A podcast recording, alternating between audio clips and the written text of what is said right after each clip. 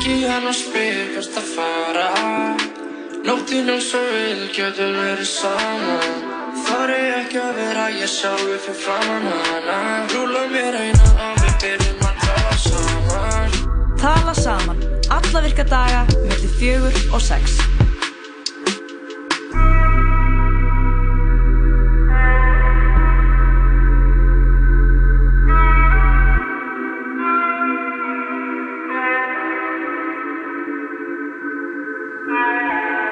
Já, það er tala saman sem að byrjur hérna góðan eftirmiddag á þessum fallega miðugudegi, miðugudagen 22. januar og hvað segir gott í dag, Jói minn? Ég segi bara ágætt. Já. Jú, mjög gott. Er það ekki bara? Gaman að vera komin aftur í hljóðverið á þessum uh, fína degi. Það er hlýtt úti.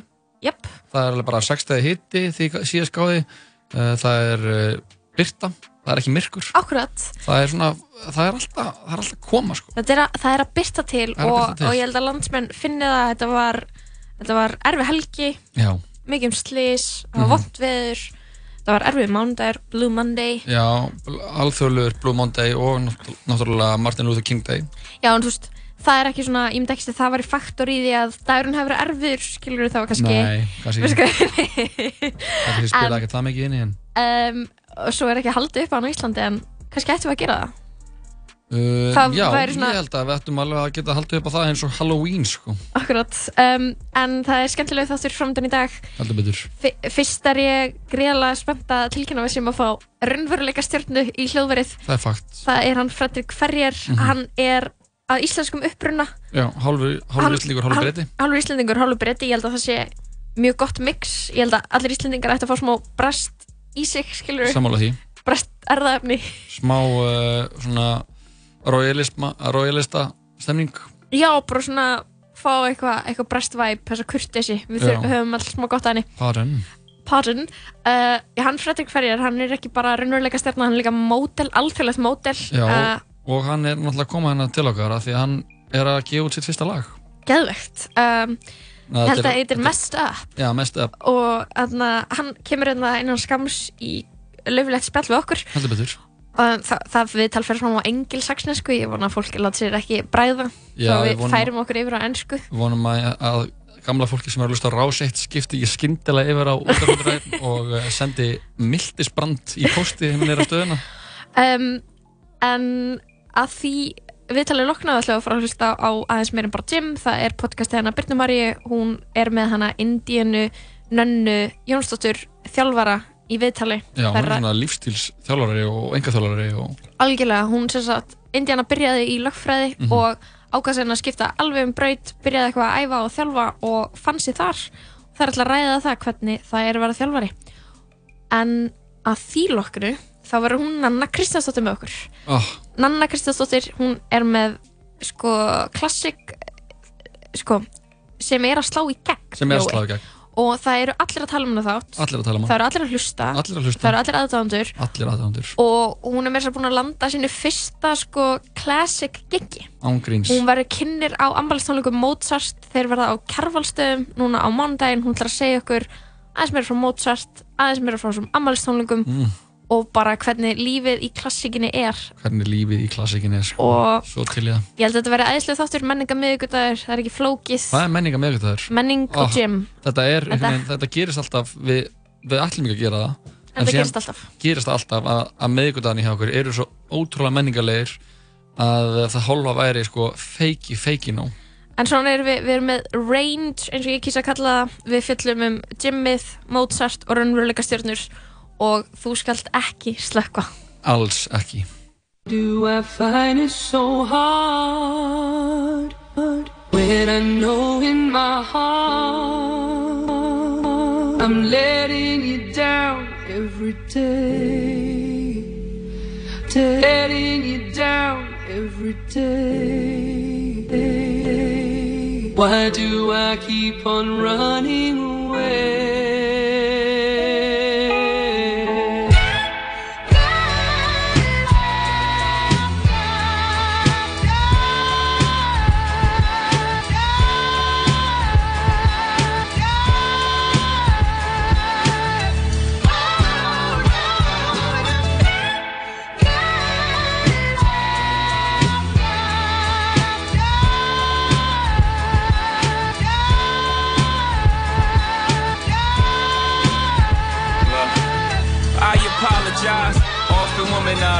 For my child to be born. See through a woman's eyes. Took for these natural twins to believe in miracles. Took me too long for this song. I don't deserve you. I harassed you out in Paris. Please come back to Rome, you make it home. We talked for hours when you were on tour. Please pick up the phone, pick up the phone. I said don't embarrass me instead of be mine. That was my proposal for us to go steady. That was your 21st birthday. You matured faster than me. I wasn't ready, so I apologize. I seen the innocence leave your eyes. I still mourn this death. And I apologize for all the stillborns, cause I wasn't present. Your body wouldn't accept it. I apologize to all the women whom I toyed with your emotions, cause I was emotionless. And I apologize, cause at your best, you were love. And because I fall short of what I say I'm all about. Your eyes lead with the soul that your body once housed. And you stare blankly into space, thinking of all the time you wasted it on all this basic shit. So, I apologize.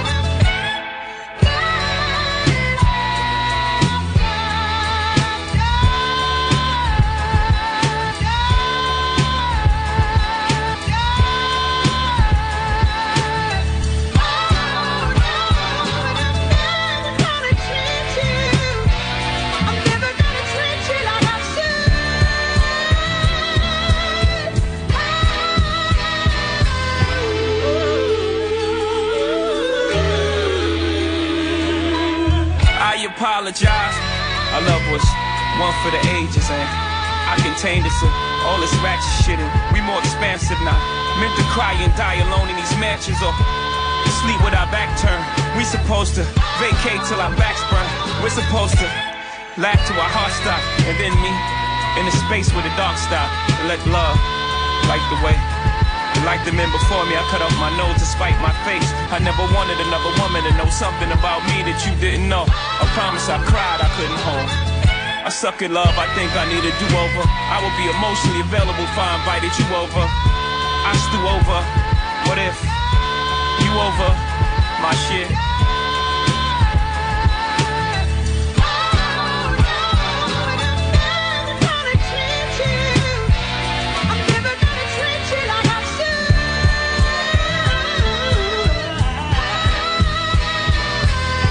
And if my children knew,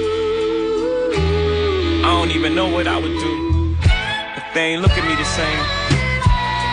I would probably die with all the shame. You did what with who? What good is a menage a trois when you have a soulmate? You risk that for blue?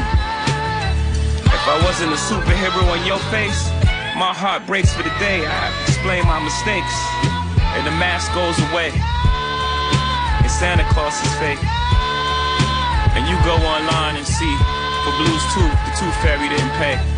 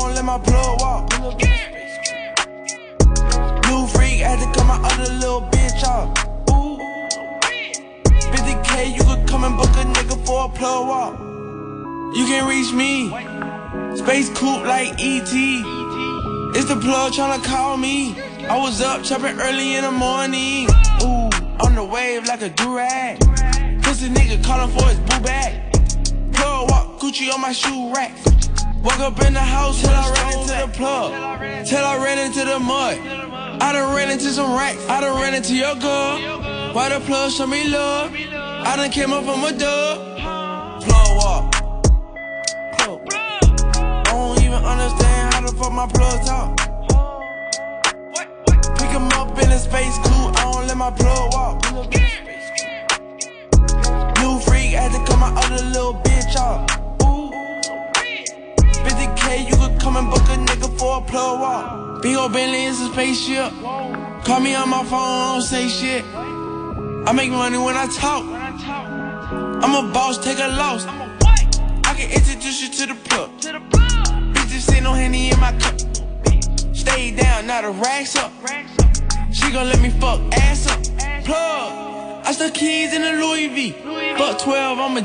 No stopping me. And my wrist is on overseas. Rich nigga, you can talk to me. I don't even understand how the fuck my plug talk.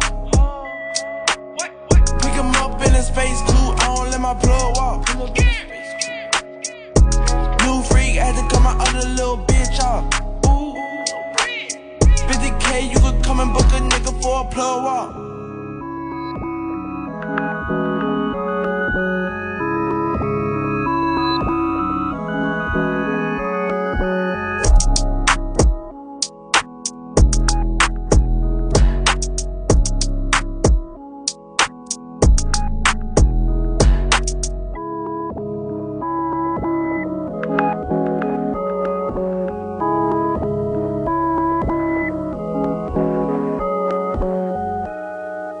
Já, þetta var Richard Kidd lægið Plug Walk hér í síðdeis Þetta er um að tala saman Við erum uh, komið með alþjóðlega stjörnu til okkar í hljóðverið Jú, jú, mikið rétt. Raunveruleika stjórnu, tónlistamann, módel og hann heitir Fredrik Ferrier og við ætlum að skipta yfir á ennsku til þess að taka viðtal við hann. So, Frederick, how are you this fine afternoon? I am fantastic. Even better for being here. What Excellent. a beautiful, beautiful studio you have. Thank you Oh, so thank much. you.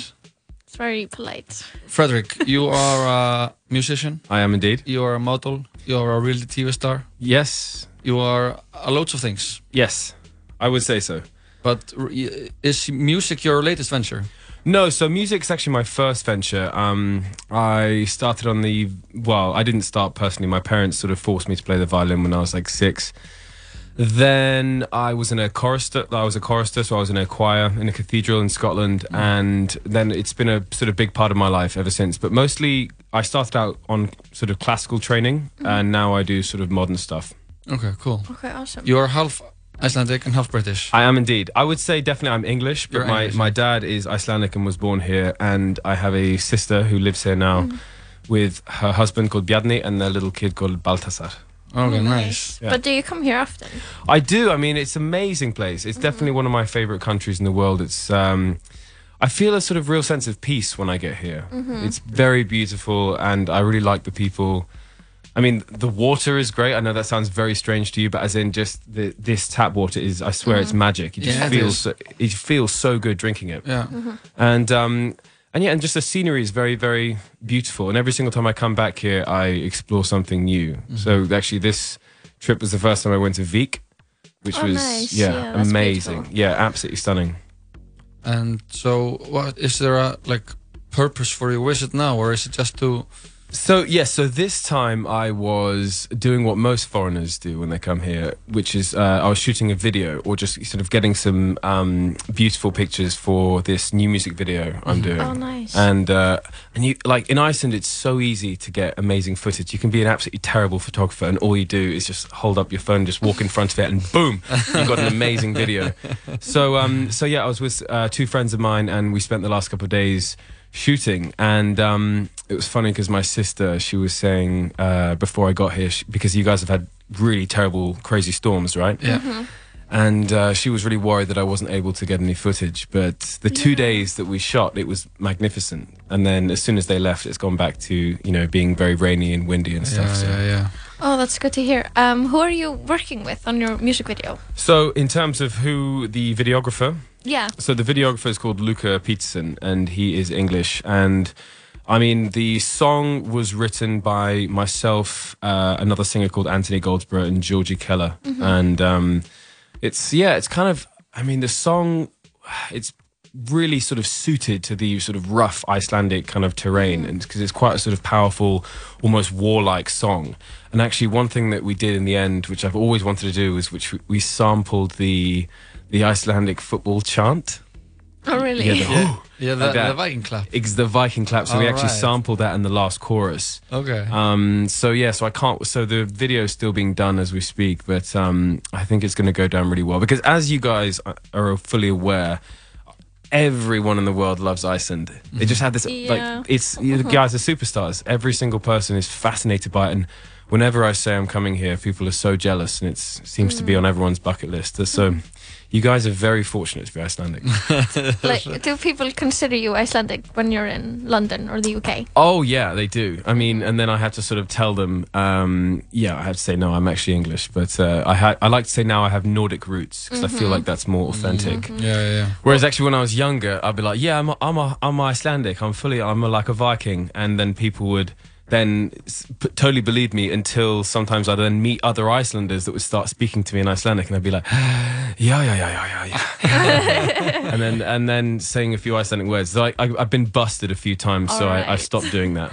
But do you have any do you have any Icelandic customs or stuff you do that you know in your home are Icelandic? Uh, what do you mean? like Sorry. food and you know, do you Well, I'm I'm full. I've got a full blown addiction to skir. Um, Okay. That's uh, yeah. I mean that that's now taken over the world as well. Now everyone knows skir. Um, Yeah, it's everywhere. we obviously have we celebrate because we celebrate um, Christmas on the 24th with my amma and Avi who live in uh, England now. Oh. So we have hangikjöt and everything, which is great.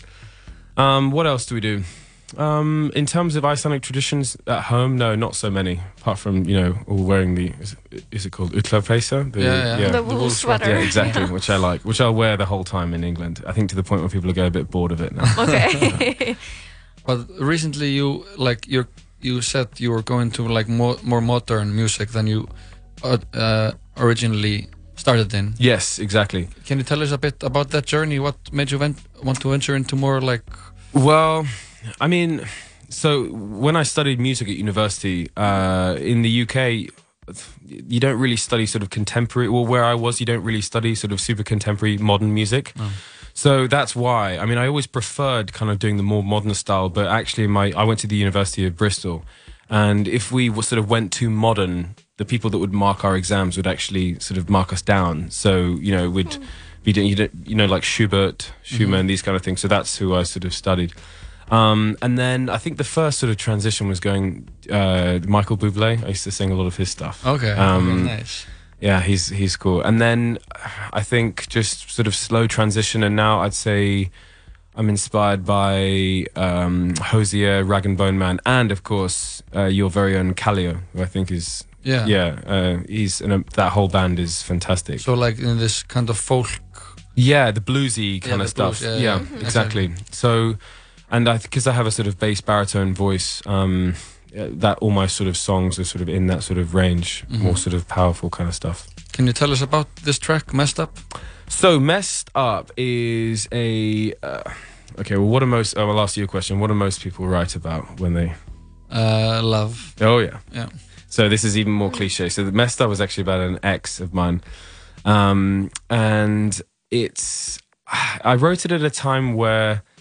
God, it sounds so cheesy, doesn't it? Even just saying this. But no, sorry. But the thing I like about messed up is it is about an ex, but it's not a sort of, uh, you know, kind of. A, it's not almost like an apology. It's kind of saying, yeah, I was this way, but you know, I don't take me back, kind of thing. There's this one line that says, if I could give you some advice, please don't take me back, which I quite like. So it's not a sort of groveling apology, and it's not sort of rude. It's saying, yeah, I was in the wrong, and we we're not suited together, but you know, you, that's just the way I am. Kind of Yeah, yeah, yeah. So yeah, and I this it's very sort of simple piano chords. Um, yeah, I'm I'm really pleased with this song. So this is actually my first song out, and yeah, I have you had the chance to listen to it? I have. Yeah, and I think too. we should uh, play it for our uh, audience, Flott. for the listeners, Yeah, yeah, yeah. and we'll continue chatting after the song. Excellent. Yes. Excellent. There's something about the crazy, stupid love we had. It pulled me in and threw me out a different man.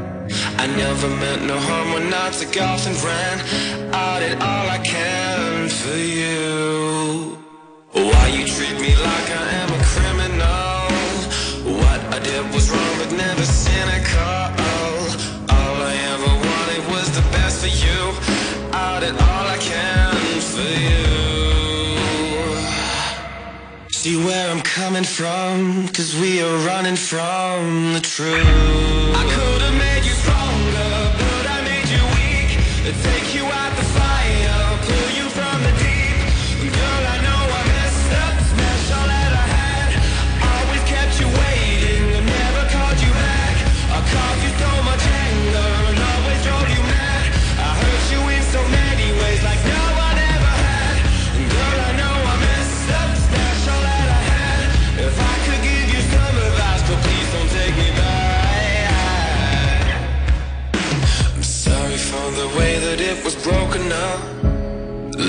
back, you'll never think that it was love.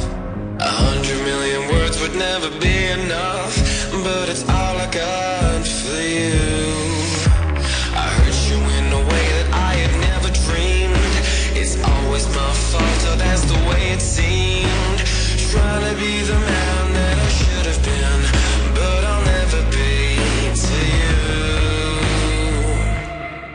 See where I'm coming from, cause we are running from the truth. I could have made you stronger, but I made you weak.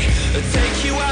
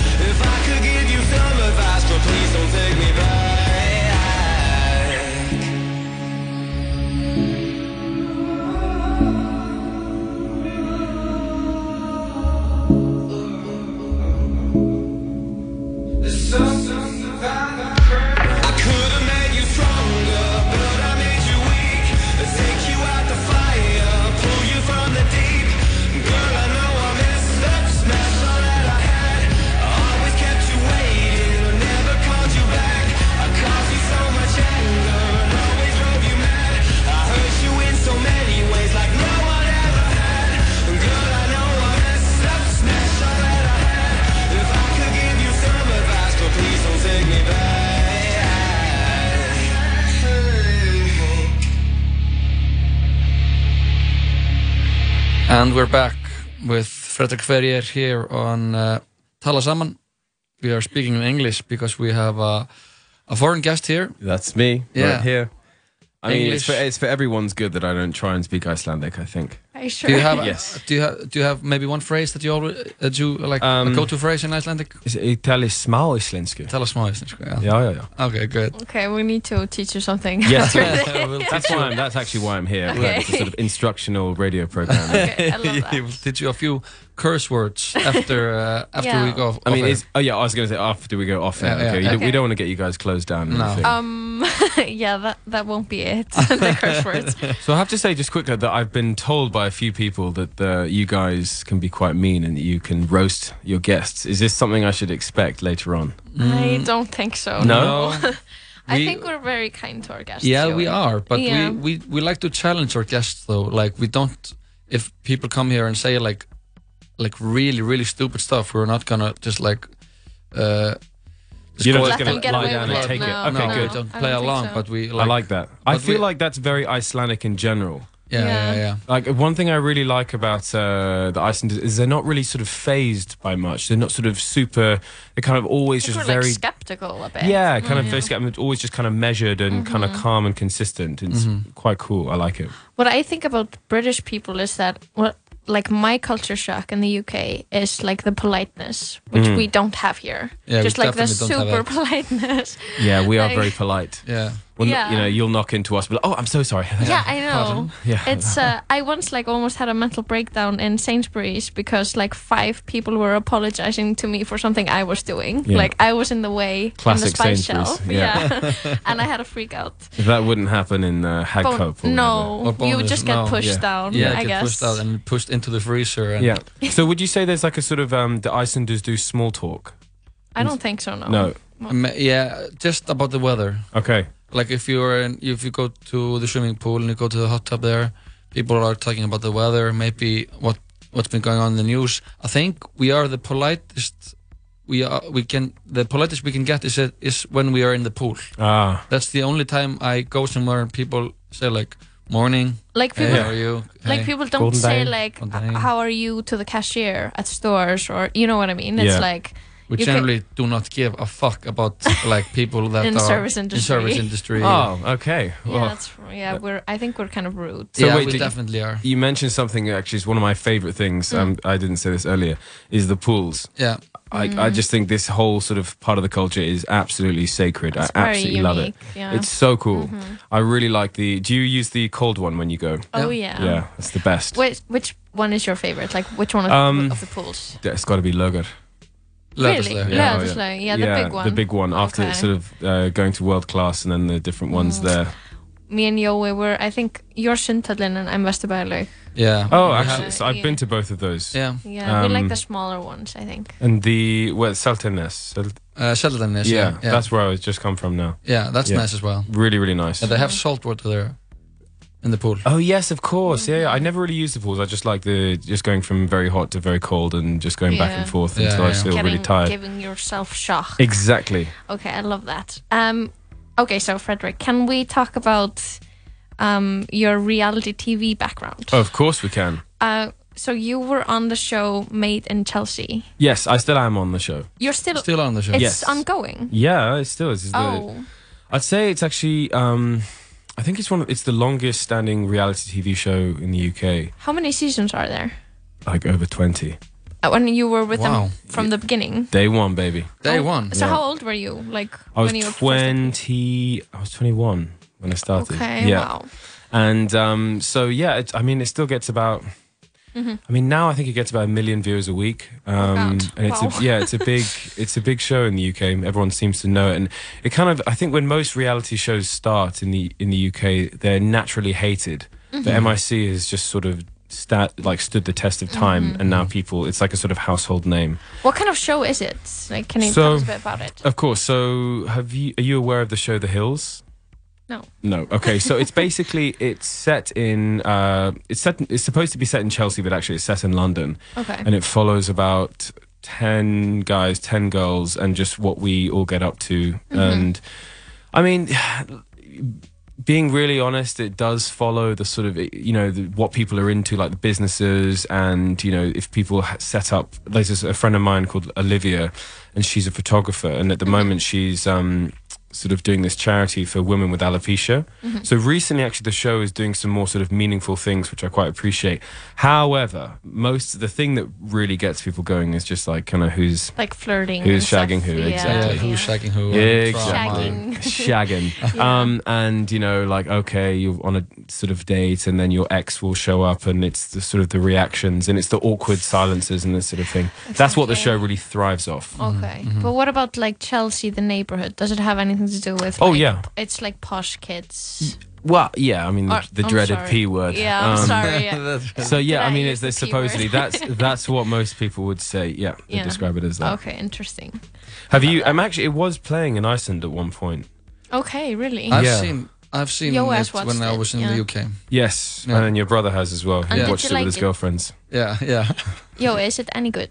Uh, I think it's really interesting. I felt it was like on He's the. just saying that because I'm Okay, here. yeah. No, so I- polite. And who, says, who says Icelanders aren't polite? Okay. I wrote my BA thesis on like keeping up with the Kardashian, and and I'm we currently shot we just shot a reality TV show here in, at the station. So we are. Oh. I'm gen- he likes reality like. TV. So am I speaking to a reality star right now? Uh, no, Oh. not a reality star, but uh, An enthu- a- enthusiast and enthusiast, thriller. passionate Okay. enthusiast. Mm. An expert. Yeah, Mm. I, I really liked Made in Chelsea because I felt it was like uh, kind of a mixture of, you know, this classical reality TV show where we just are just seeing people just doing their thing, and I felt it was on the border of of sometimes being acted Mm. because I felt like sometimes like when just pe- two people are walking somewhere in Chelsea and then like suddenly out of the blue comes an ex. Yeah, And yeah. I'm like, Have you been here hiding the whole time? hiding the whole time, and you got your makeup on, and you got your mic on. And Uh, Yeah, like, yeah, yeah. What are the chances?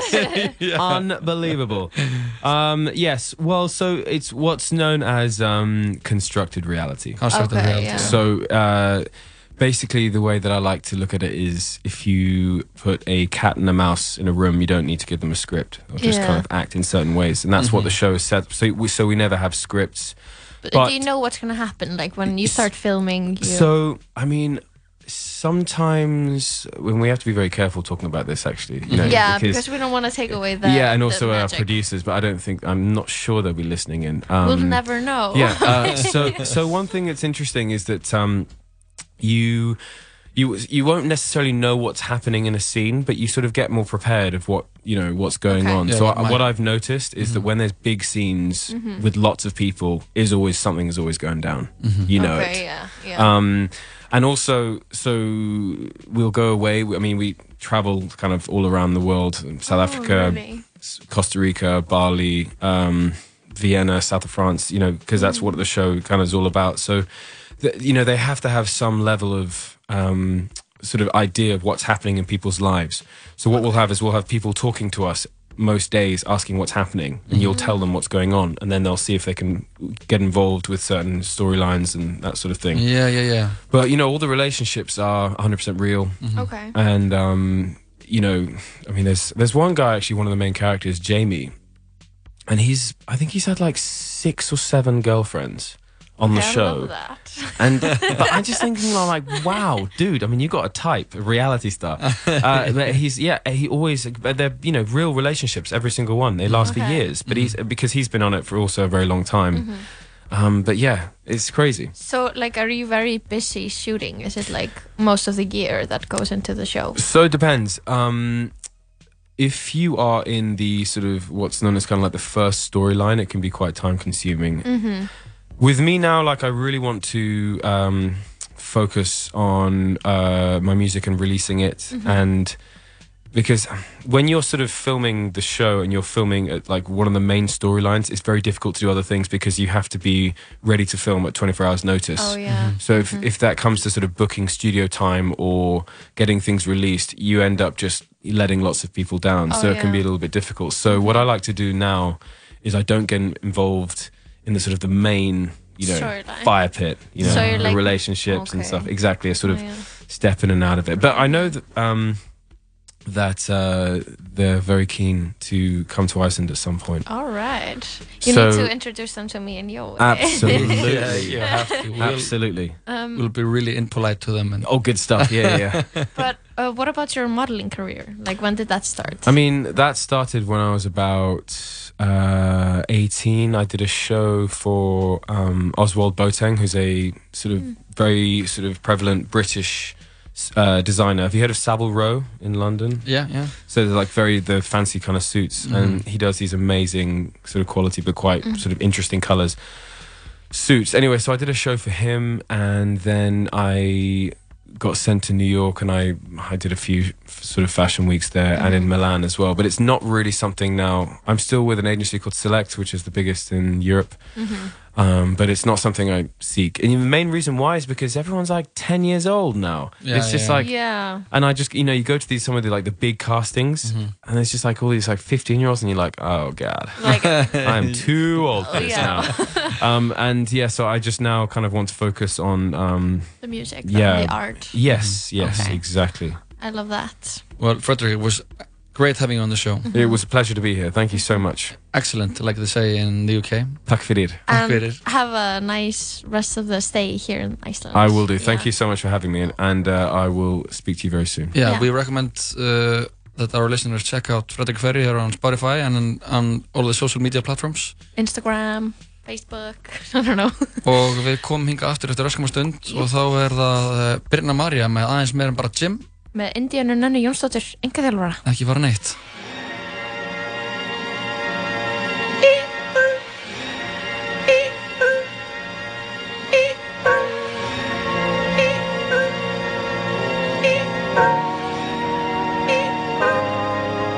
Pulling out the coupe at the lot. Tony fuck 12, fuck SWAT. Busting all the bells out the box. I just hit a lick with the box. Had to put the stick in the box. up the whole damn seal. I'ma get lazy. Trapping like the 80s. She said the nigga so got the cash out. Told him wipe a nigga no. Say slash slash. I won't never sell my soul. And I can back that. And I the stash at? Cruise the city in a bulletproof Cadillac. Cause I know these niggas out there where the bag at. Gotta move smarter, gotta move harder. Nigga try to give me five mile water. I lay his ass down on my son, on my daughter. I had the Draco with me, Dwayne Carter. Lot of niggas out here playing, ain't ballin'. I done put my whole arm in the rim, bitch caught And I know Poppy get a key for the bottle. Shotty barely seen the double C's, I bought her. Got a bitch that's looking like a Leah, she a model. I got the pink slip, uh, my whip is keyless. Compton, I'm about to get the key to the city. Patty, light the seat. Forgetting out the coupe at the lot. Tony fuck 12, fuck SWAT. Busting all the bells out the box. I just hit a lick with the box. Had to put the stick in the box. Mm. Pour up the whole damn seal. I'ma get lazy. I got the mojo deals. We been trapping like the 80s. She said the nigga so got the cash out. Told him wipe a nigga no. Say slash slash. I won't never sell my soul. And I really I've been moving them out and steal it with me. Then he got the blues in the pouch. Took her to the forest, put the wood in her mouth. Bitch, don't wear no shoes in my house. The private I'm flying in, I never wanna fly again. I take my chances in traffic. She sucking on dick, no hands with it. I just made her roll it plain like a landing strip. I'm a 2020 president candidate. I done put a hundred bands on Zimmerman shit. i been moving real gangster, so that's why she pick a crit. Shotty call me Chris Cole, cause I pop my shit. Got it out the mud. There's nothing you can tell me. Yeah, when I had a job, wealthy. Yeah, out the coupe at the lot. Tony fuck 12, fuck SWAT. Buzzing all the bells out the box. I just hit a lick with the box. Had to put the stick in the box. Mm. Pour up the whole damn seal. I'ma get lazy. I got the mojo deals. We been trapping like the 80s. She said the nigga so got the cash out. Told him wipe a nigga no. Say slash slash. I won't never sell my soul. And I can back that. And I really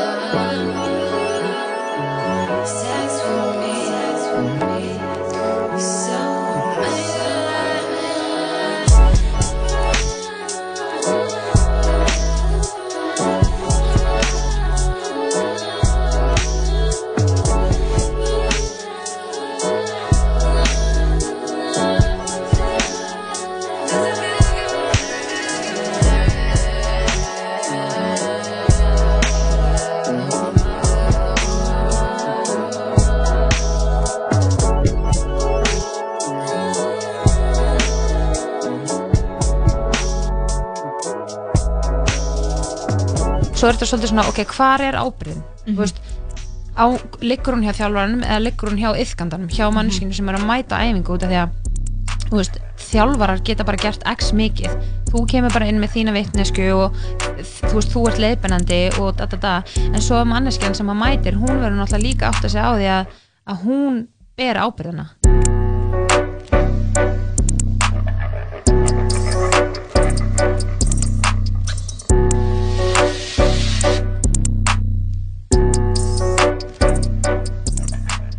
segja eitthvað fallegt um mig Ég skal sko segja eitthvað fallegt. Góðan og blessaðan, kæru hlustendur. Um, Hjá mér situr 27 ára gammal stillingur sem hefur, jú, gert garðinn frægan sem þjálfari. Þá hefur hún verið að þjálfa hópa í vörklass og lyft fólki að fylgjast með á eh, Instagram.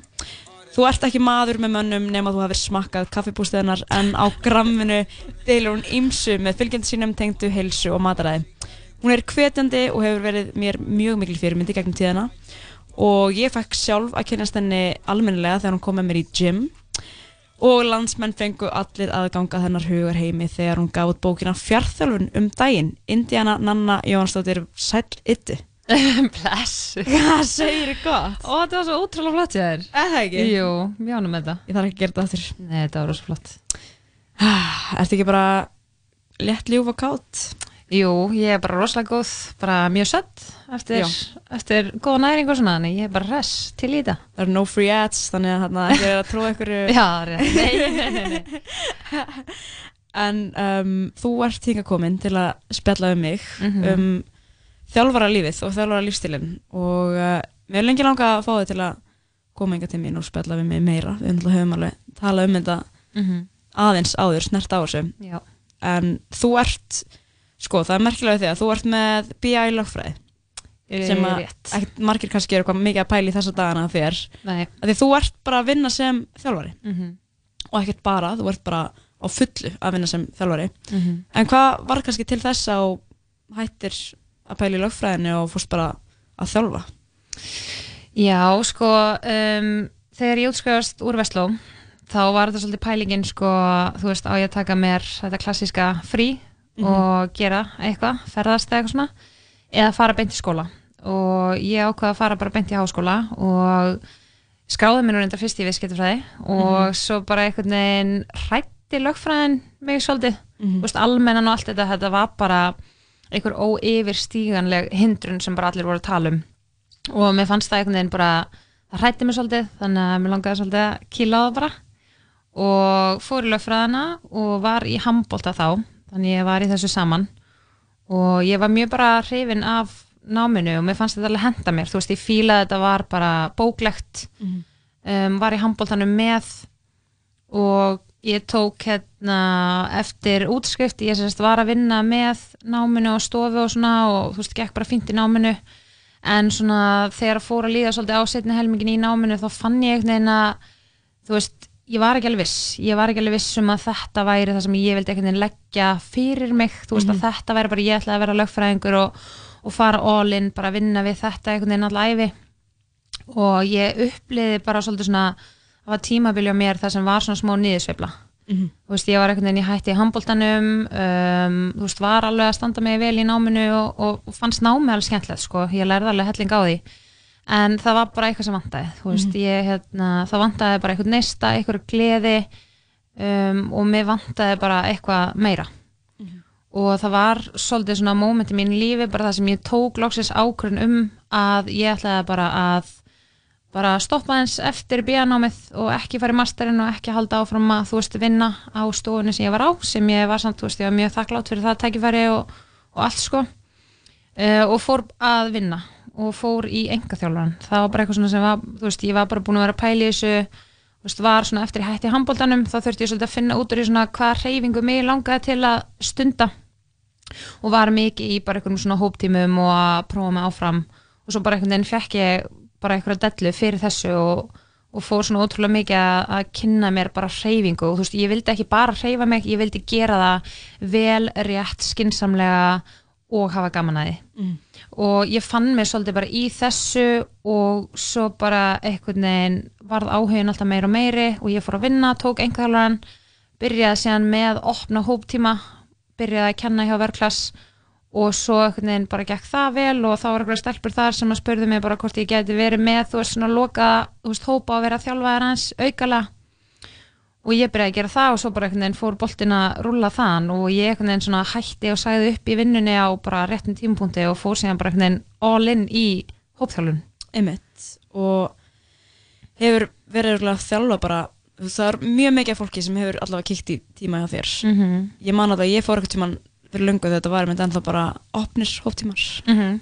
og það var alveg smá stemmar að sem var bara svona að fólk er greinlega alltaf að koma aftur í þennan Já. þú veist alltaf að mæta bara aftur á sama tíma Já, það er náttúrulega geggjað sko að þú veist, þegar hún nær svona hóp af því að Mhm. það er það sem ég vil alltaf, þú veist mér finnst svo geggjað þegar einhver heldur áfram hjá mér Mhm. kemur ekki bara inn í mánuð og hættir síðan eða eitthvað, heldur er kannski búin að vera hjá mér bara í ár eða tvö ár og maður er búin að byggja upp eitthvað svona samband og sjá árangur Mhm. hjá manneskinni, mér finnst það Einmitt. geðveitt sko en uh, það sem við ætlum aðeins að svona fara kannski meira út í í dag það er svolítið svona kannski bara uh, tilgangurinn sem að, eða, hvað það er sem fær mann til að vera að reyfa sig og af hverju maður er að reyfa sig og af hverju það er gott fyrir mann og kannski líka bara þá í sambandi við þjálfun og þú náttúrulega stýrir fólki í gegnum æfingar hvernig finnst þið bara ásluna þínar vera að breytast síðan þú byrjaðir? Sko, um, ég er náttúrulega er bara búin að þróa, þú veist, mig sjálfa Mhm. á þessu tímabili síðan ég byrjaði að þjálfa. Ég er ekki búin að þjálfa lengi, þú veist, ég er bara búin að vera í þessu í tvö ár og hérna og svona bara síðan ég byrjaði þá er ég náttúrulega bara búin að læra helling sem að ég hef náð að þú veist koma með þá inn í þjálfunna hjá mér. Og mér finnst svo geggjað að miðla ykkur nýju, ykkur sem mér finnst spennandi og sem ég hef áhuga á til þeirra sem ég er að þjálfa. Og ég held að þau finna alveg rosalega mikið fyrir því að þú veist ég mæti og ég vil bara ótrúlega mikið bara kenna þeim, þú veist, sjá að þið gerir þetta svona af hverju, af því það er svo gott fyrir ykkur af því að þá farið þið svo vel með líkamann og þið fáið miklu meira út úr æfingunni og bara hei sjáu þetta og Mhm. þú veist, ég veit að þau fíla það ótrúlega mikið. Og þetta er svo mikilvægt fyrir mig og í raunni veist, alveg saman hvað maður er að gera bara í starfi, í námi, í öllu að maður sé að hugsa um að þú, veist, þú þróir þig svo að þú getur haldið áfram að þú veist, þróast í því sem þú ert að gera í vinnunni eða, eða öðru. Og, og hérna, þannig já, klálega bara, þú veist, það er alltaf að koma inn eitthvað nýjar áslur og, og eitthvað nýtt sko. Einmitt. En þetta var mikið að hugsa um svona bara gæði í stæðan fyrir að vera bara eitthvað að algjörlega kála sér á æfingunni.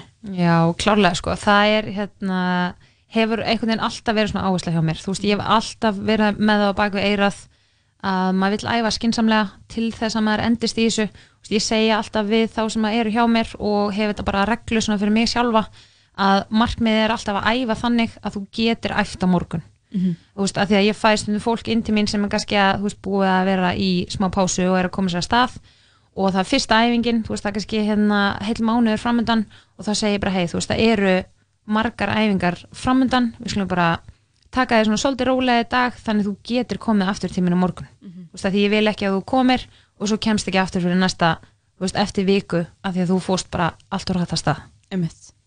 Já, það er mikilvægt. Og Mhm. kannski líka að bara tala um það, þá líka oft bara svona þegar maður er búin að taka smá pásu og kannski heldur maður að maður sé bara ennþá með hausinn og bara í forminu sem maður var í þá er svolítið auðvelt að bara peppa yfir sig þar sko. En um, að því nú er þú einmitt að þjálfa bara alls konar fólk Mhm. og kannski mikið af fólki sem að er bara að reyna að finna sér einhverja hreyfingu, reyna að halda sér kannski bara góðu formi og rækta líkamann og bara ekki einhverjir atvinnumenn eða ekki eitthvað svona afregs fólk og Mhm. um, kannski bara hvernig er að taka móti þannig haus og vera líka sko hjálpa þessu fólki að finna svolítið svona tilgangin í að mæta sem er ekki endilega bara að keppa eða vinna ykkur mót eða eitthvað Mhm. svoleiðis hvernig er svona, hvernig er taka og breyta þeirra hugafæri, hvernig áherslunar þar Einmitt. Sko, þetta er algjörlega rétt. Um, ég náttúrulega, þú veist, minn bakgrunnur er í íþróttum. Ég var í handbólta frá því ég var 6 ára og þar til ég var 21 ás. Þannig í grunninn er ég sjálf íþróttamannskja og, og svona keppniskona. Og ég vil rosalega mikið svona koma með, þú veist, þetta element inn á æfingu uh, og nýta það. En hérna, en náttúrulega þeir sem að þú veist eru að æfa við mér, þá náttúrulega margir sem eru líka með einhvern íþróttabakgrunn Mhm. og eru kannski bara hættir í sinni íþrótt en eru að leita sér að einhverju og hérna og, og finna sér svolítið oft í svona hópþjálun af því að þar færðu svolítið þessa stemningu sem að þú varst kannski að fá í íþróttinu sem þú varst í. Mhm. Ég held að það sé ástæðan fyrir að ég freka með þessa hópþjálun frekar en þessa engaþjálun kannski, þú veist, fram í sal, þú veist, ég er í svona Mhm. Lokuðum sal með stærri hópa af því að þar er svona, minnst vera meiri svona, svona heild þú veist, meiri stemning og mann er að byggja upp svona gott samband við hópin og hérna um, og svo er það náttúrulega bara þú veist, eh, elementið sem að þú veist, þjálfarin verður að koma með inn í þjálfunina er að skilur, þú veist, ég er að kenna og leiðbina og það sem ég vil gera er bara basically að byggja upp sjálfströsti á fólki, þú veist, ég vil að það læri ég vil kenna, ég vil leiðbina en svo vil ég líka þessi gaman. Þú veist, ég vil hafa skemmtilega tónlist ég vil Mhm. hafa skemmtilegar æfingar. Þú veist, þetta er blanda af svo mörgu um, sem að þú veist, fólki er að sækja í og, og færa það til þess að halda áfram. Mhm. einmitt. Og kannski líka einmitt að því að maður, man, að því ég líka kemur um þú svona liðs íþrótt Mhm. að maður man líka oft eftir því að það sem maður kannski fekk mann til að mæta þá var oft bara hópurinn. Bara einhver er að, bara jú, veist, ég, við förum samfyrða ég fór að fara hjá mér eða eitthvað svona, Mhm. að maður mætti stundum ekki fyrir sjálfan sig, maður mætti kannski bara því að það var sem ég verið að draga mann. Mhm. en núna er oft svolítið mikil ábyrg bara sett á einstaklingin að bara já, þú mætir og það er bara fyrir þig. Mhm. og það er kannski ekki annar að beðja um að koma. Það er Mhm. ekki þjálfur að fara að skamma þig Mhm. og það er oftast erfiðast að, að eitthvað svona fara fram úr þegar maður er eitthvað það er enginn sem að veit einu svona hvort maður sé að fara eða ekki Nei, ég veit það þannig að kannski líka ertu eitthvað að pæla eitthvað að þú mættir ekki gær þú nota væntalega ekki eitthvað Nei, ég er ekki mikið að skamma fólk, sko, en þú veist, þetta er meira samt svona, hei, ég tók eftir því að Já. þú varst ekki inn í gær, þú veist, það skiptir Mhm, mig mhm, máli mhm. að þú sért hérna og svo er þetta líka þannig bara, þú veist, að fólk er að borga fyrir að koma og æfa þrísar viku og það vill náttúrulega koma og læra og hreyfa sig Mhm. og ég líka reyna bara svo mikið að stilla þessu upp þannig að þú viljir ekki missa Já. þú vilt ekki, þú veist, ég skipti þessu upp í, þú veist, ég er með þrjára æfingar í viku og það er alltaf svona mismunandi form á hverja æfingu, þú veist, eins og ein æfingin er ketilbjöllur og bodyweight og svo er ein æfingin félagæfing og ein er full body og core, þannig að þú ert svolítið svona ó já það eru bjöllur morgun, ég vil ekki missa því. Að já það er félagæfing á morgun, ég vil ekki missa því. En að þú verður líka að, að stilla þessu upp þannig að þú veist, fólk vill koma. Mhm. það vill koma og hitta þig og læra eitthvað nýtt af því að þú ert alltaf að mæta á æfingu með eitthvað fest, með eitthvað skemmtlegt Mhm. og þannig þú, þið líða eins og þú sérst alltaf að græða svo mikið á hverri æfingu. Einmitt. og þetta er bara eitthvað sem ég legg alveg ótrúlega mikið upp úr. Og þegar að ég er að þjálfa og ég svona upplifi mig á æfingunni bara svona vá ég er að þjálfa vel í dag. Veist, mér líður vel, ég er að gefa mikið að mér. Veist, þetta er góð æfing en það sem ég var að setja upp. Ég finna fólki, finnst þetta er gaman það er að taka á því, það er að læra eitthvað. Veist, það er bara geggjað. Mhm. og Það það er alltaf svona markmiðið mitt sko. Já, einmitt. Mhm. og líka einmitt sko hefur ekkert sem að vera eitthvað svona ein að taka svona gym þetta klassiska rektar dæmi þegar maður mæti bara eitthvað mm, fyrir aðeins á brettið, mm, fyrir aðeins að lifta ekkert sem að nátt þannig tímabil? Já, alveg klálega sko og náttúrulega bara eins og þegar ég hætti þannig handbóltanum ég hafði aldrei skilu, jú, jú, maður var á okkur svona undirbúnis tímabilum og eitthvað en veist, mér fannst bara skemmtilegast að vera handbóltæðingu og ég vissi ekkert mikið hvað ég var að gera sko þegar ég fór Mhm. síðan að mæti í ræktina. En ég bara fór í alls konar tíma og mér fannst ég pikka ótrúlega mikið upp ég svolítið siktaði út svona já þetta sem þessi kennari var að gera mér varst það Mhm, ótrúlega flott og mér varst þessi nálgun og þessum rosalega flott Einmitt. og týndi svolítið til þú veist sem að ég fór síðan að nýta mér þegar ég fór að þjálfa Mhm.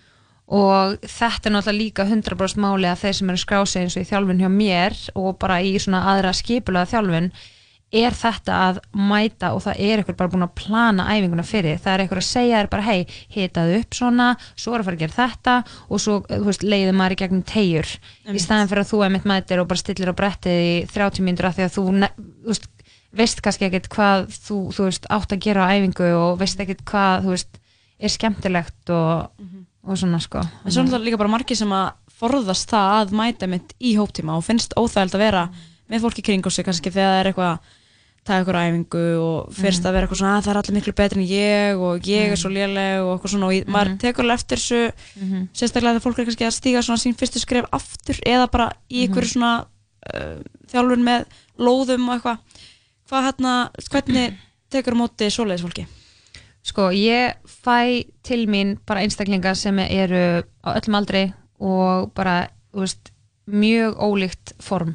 Já. Ég er náttúrulega líka með mömmuþjálfun, þannig ég er mikið að taka móti stelpum og konum sem eru, þú veist, voru mögulega kannski að gangi gegnum meðgöngu og fæðingu og voru, voru ekki að reyfa svo með meðgöngun og jafnvel ekki áður heldur. Þannig að ég fengi bara algjöra byrjandur og svo einhverja sem er að koma bara úr, þú veist, fimmlegum eða crossfit eða, þú veist, voru í handbólta eða fótbólta eða eitthvað. Og sem þjálfari þá finnst mér alveg ótrúlega mikilvægt að þú lærir svolítið inn á fólk og þú mætir því þar sem það er. Þannig að þú veist, eins og ef þú myndir mæta æfingu hjá mér, þá sé það kannski svolítið á þér bara ok, hún er til í svolítið svona ákveðina nálgun, hún vil aðeins meira, hún vil hérna da da da. Og þá nálgast ég þig þannig. Á meðan eitthvað sem er kannski byrjandi og segir maður sér bjölluæfing og ætlum að snatsa með bjöllu. Ok, í dag, herðu, ég ætla að byrja þig um að hérna, ertu til að prófa að snatsa með handlóðu fyrir mig í staðan fyrir eitthvað svona, herðu, já um, vilt þú ekki taka aðeins léttari útgáfa að snatsa með handlóði þá orða maður þetta líka öðruvísi þú veist, þú verður að nálgast manneskinu þannig að hún upplifi ekki eitthvað svona ó, ég er byrjandi og ég er miklu lélega en þessi, heldur þetta meira bara svona já, ég er henni að nota handlóðu og ég ger það bara fyrir eitthvað vel með handlóðinu þannig að þú veist, þá upplifir svo manneskja öryggi í því sem hún er að gera. Einmitt.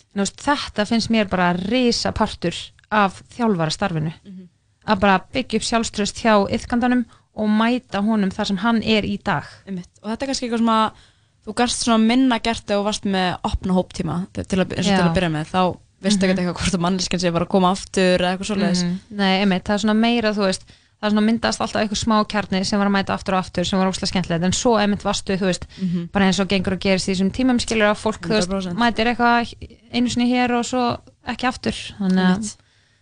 Gaman að byggja upp svona smá tengsl við þá sem eru, skilur og geta bara actually séð bara, ok, vá, hún er alltaf innu farin að gera hérna double unders eða tvöfelsip Mhm, eða, einmitt. eða búin að bæta hérna tæknina sína í nebu eða, eða ná uppbyggingu eða arbeið á tannum eða, þú veist, það er það er geðið, sko það, er, það er gaman sko Mhm. en uh, við höfum eftir að spjallum ímislegt og mér langar sérstaklega að tala aðeins um bókina hérna hérna eftir örskama stund Mhm. en áður en við förum, uh, förum að krifja það mál þá hérna ætla ég að fá að hlusta á eitt uh, lag. Sko, þetta er lag sem að ég datt óvart inn á í gær. Já, ég er mjög spennt að heyra hvaða lag uh, Þetta er Gloria Gaynor. Ekkert hver hún er. En þetta lag greip mig alveg og þetta er klassísk lag Can't Take My Eyes Off You. Og þetta er eitthvað Black Box Remix. Við ætlum bara, við ætlum bara að tjekka á þessu. Og við ætlum bara að leifa þessu að uh, já, bara koma til okkar hérna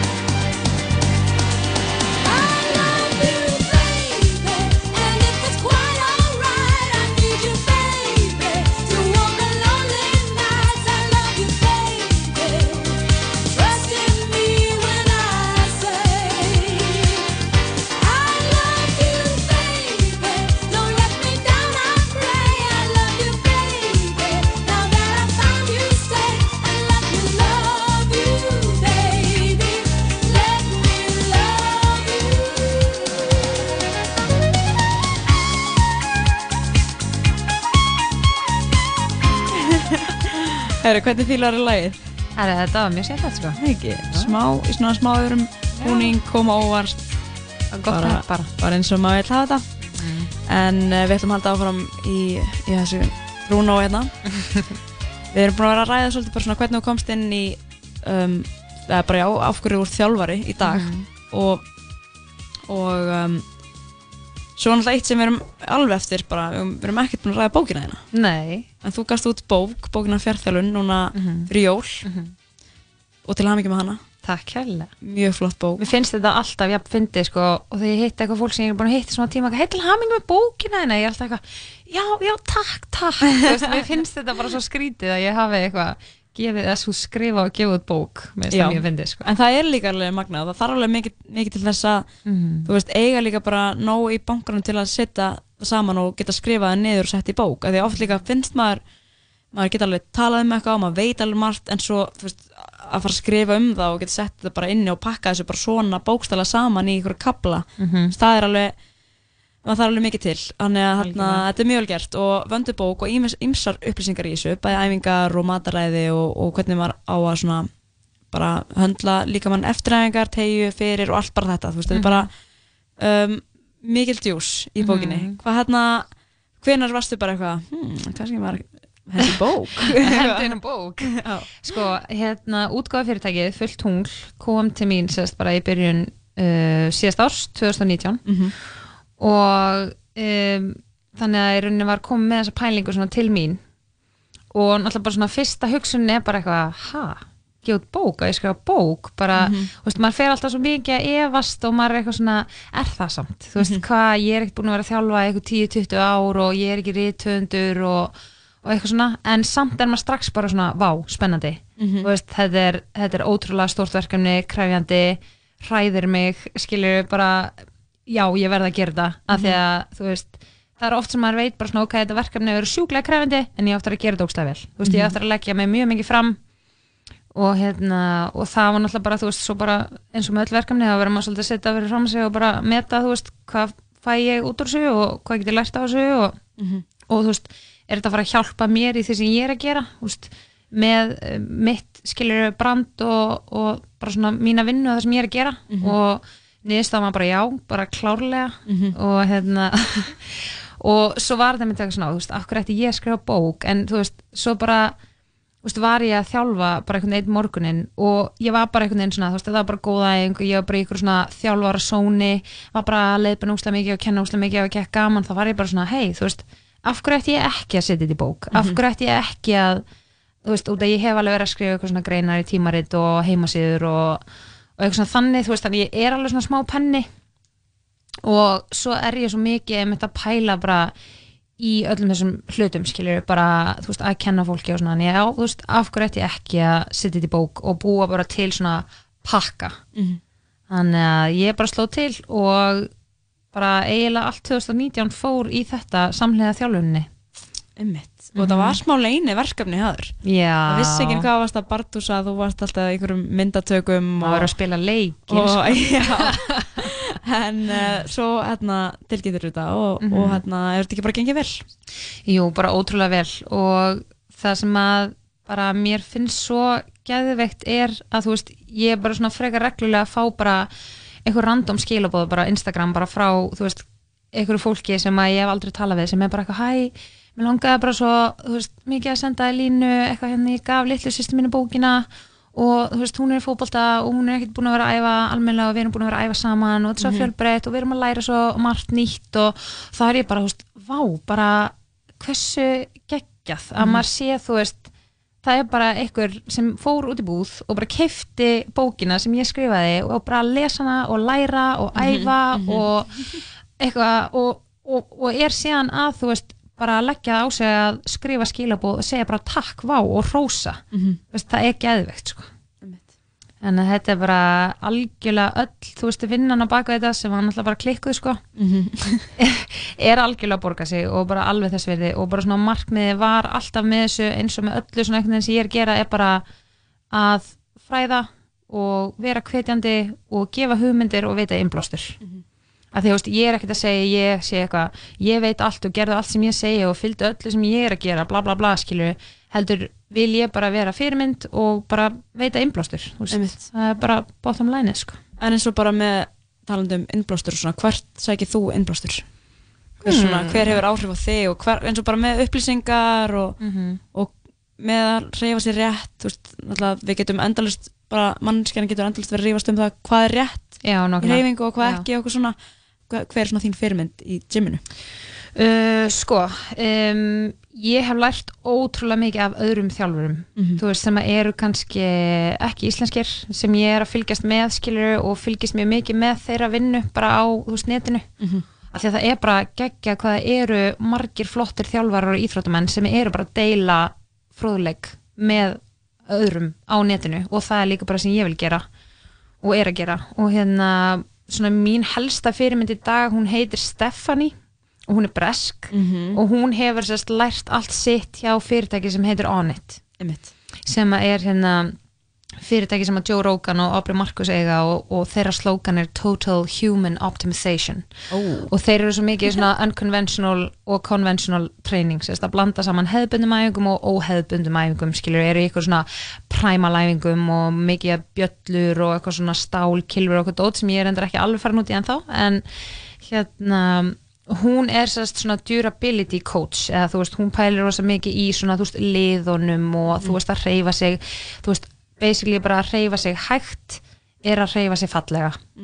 Og mér finnst svona allt sem hún er að gera geggjað og svolítið þessi þjálfarar sem að hafa verið að læra hjá Onnit og eru svolítið í þessu eh, svona óhefbunna í bland við þetta hefbunna uh, þannig ég segi mjög mikið innblástur þangað. Og svo hvað var það svona ég veit ekki, kannski bara svona mannlega þáttinn þá hefur það svona helst verið pappi minn. Já. En hann er sérst uh, sálfræðingur, heitir Jóhann Ingi Gunnarsson og á bara svona mjög um, langan feril bæði íþróttum sem þjálfari og bara sem sálfræðingur. Og er bara, eins og núna er hann út á EM með, hann er, sérst, ég man ekki þetta er fjórða held ég móti sem hann er í röð eða meira, þar sem hann er að undirbúa dómarna, öll dómar pörin á mótinu andlega og hann er úti núna bara á meðan öllu mótinu stendur skilur og er að fara bara Austuríki og Svíþjóð og alla staðina og hittir dómarana sérst fyrir og er að preppa og bara halda fyrirlestra og svo vinnur hann þú veist einn og einn með hverju pari og er að þú veist preppa á andlega fyrir bara dómgæsluna. Þannig að hefur kannski alltaf verið smá undirleikandi eitthvað Mhm. farið í þjálfun og eitthvað svoleiðis? Ég, svona, ég fattaði það eftir á. Já. þú veist, út að ég var alltaf eitthvað svona veist, ég meina aldrei dottið í huga að ég yrði þjálfari sko, þú veist, ég hefði aldrei áhuga að þjálfa handbólta þegar ég sjálf var í handbólta mér varst það ekki spennandi. Og hérna og svo bara einhvern veginn eftir á fattaði ég bara svona, já, vá, auðvitað. Veist, ég er náttúrulega bara með þetta þjálfari gen í mér skilju, og ég einhvern veginn hugsaði oft eftir á svona, já, ég hef kannski plummað mig bara vel í sálfræði, einhvern veginn pappi er sálfræðingur og við erum svolítið lík svona. Og svo bara var ég eitthvað, já, þú veist, ég náttúrulega hef bara fengið þetta frá honum sko. Og það er endar ekki slemt að hafa bara fyrirmynd rosalega nálægt sér sko. En ó, það er svona töff. Ég, ég mynda mér sko að hann er eitthvað að preppa dómana sé eitthvað svona klípa í eiruna og við svona á hann farin svona, svona góða, eitthvað, sem er ekki eitthvað. En þetta er samt svo geggja sko þú veist að þú pælir í þessu að dómarinn er náttúrulega bara að stjórna leiknum. Veist, hann er bara the leader of the game. Mhm. og pældi ég þú veist það gerist allt bara ótrúlega hratt og þú Mhm. þarf bara að vera ótrúlega ákveðin í ákvörðinni sem þú tekur hvort sem hún er rétt eða raung og þú þarf bara að vera ótrúlega sjálfsörugur bara leiðbeinandi skilur og það er bara þjálfar öskraði, leikmennur öskraði stúkan er öll brjáluð og þú þarf að halda haus og bara halda þínu streiki skilur þetta er náttúrulega bara klikkað álag Við erum líka sjaldan í sko handbóltaleikjum, nú er ég ekki sérfræðingur, en svona með við aðra íþróttir þar sem svona stoppa og svona virkilega mikið verið ígrund eitthvað, eitthvað leikadrið, þú veist, eitthvað hérna, hvort það hafi verið eitthvað, eitthvað svona, við erum að endur sko eins og kaurubolta þá bara tíminn stopp og bara þú veist, það er verið að kíkja í sjónvarpið og bara kíkja á skjáin og Mhm. sjá hvort allt sé í lægi og í fótbolta þá líka bara stoppa heil lengi og það kemur bara framlegging, skilur, Mhm. og okkur svona.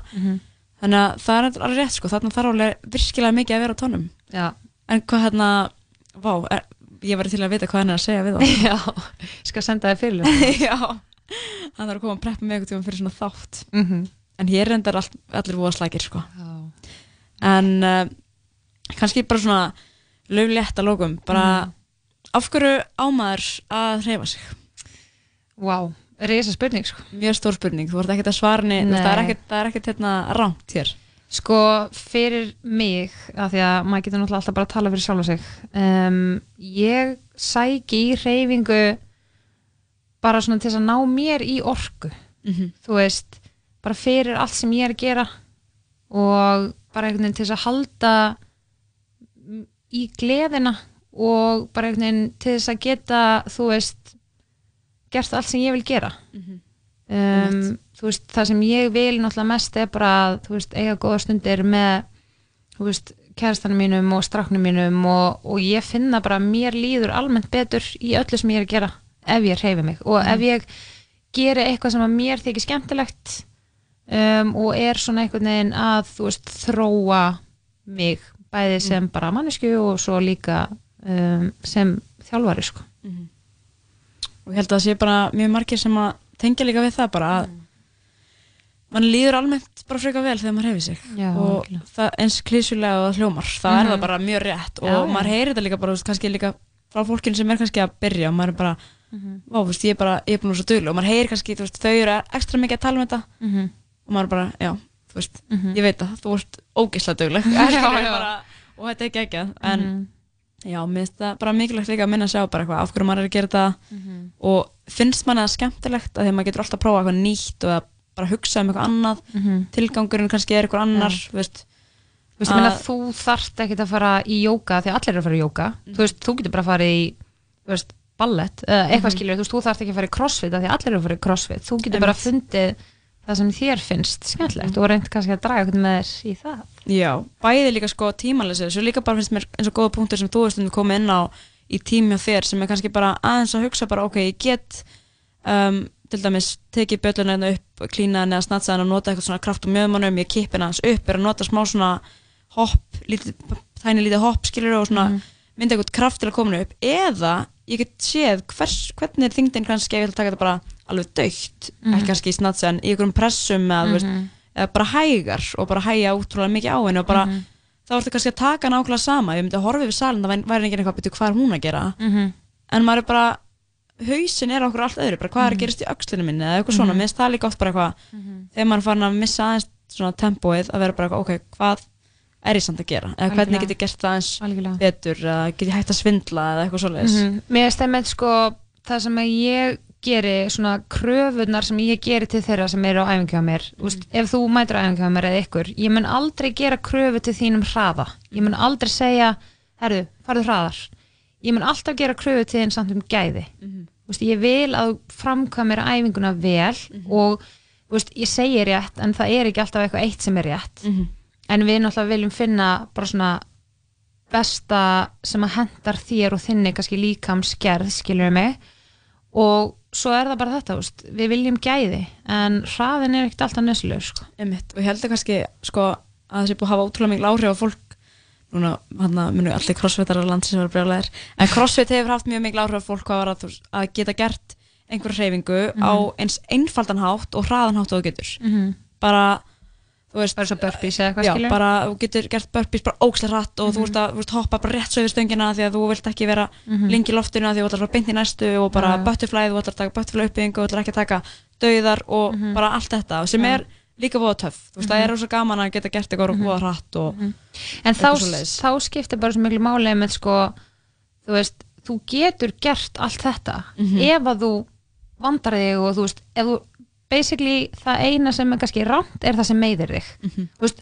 getur þú farið á þessa æfingu sem þú ert að lýsa skilur mig og bara verið, þú ert bara ágæti í skroknum eftir þetta og getur mætt á æfingudaginn eftir eða ferða á þessa æfingu og ert bara átt í Mhm. viku skilur, þá er maður svona mm, já ok, þú veist, kannski ætti ég aðeins að hæja á og aðeins að, þú veist mér finnst líka oft bara kannski almennt kannski fólk ekki vita af hverju þau eru að gera æfinguna Mhm, skilur, það er bara að vera að kenna alls konar æfingar Mhm. en það er glemt að fara í bara hvað er hún samt að gera fyrir þig Já, já. Veist, og þá er oft fínt að vita ok, pæltu þú væri að gera þessa æfingu og svo myndir þú bæta þessu eins við og þá, þá Mhm.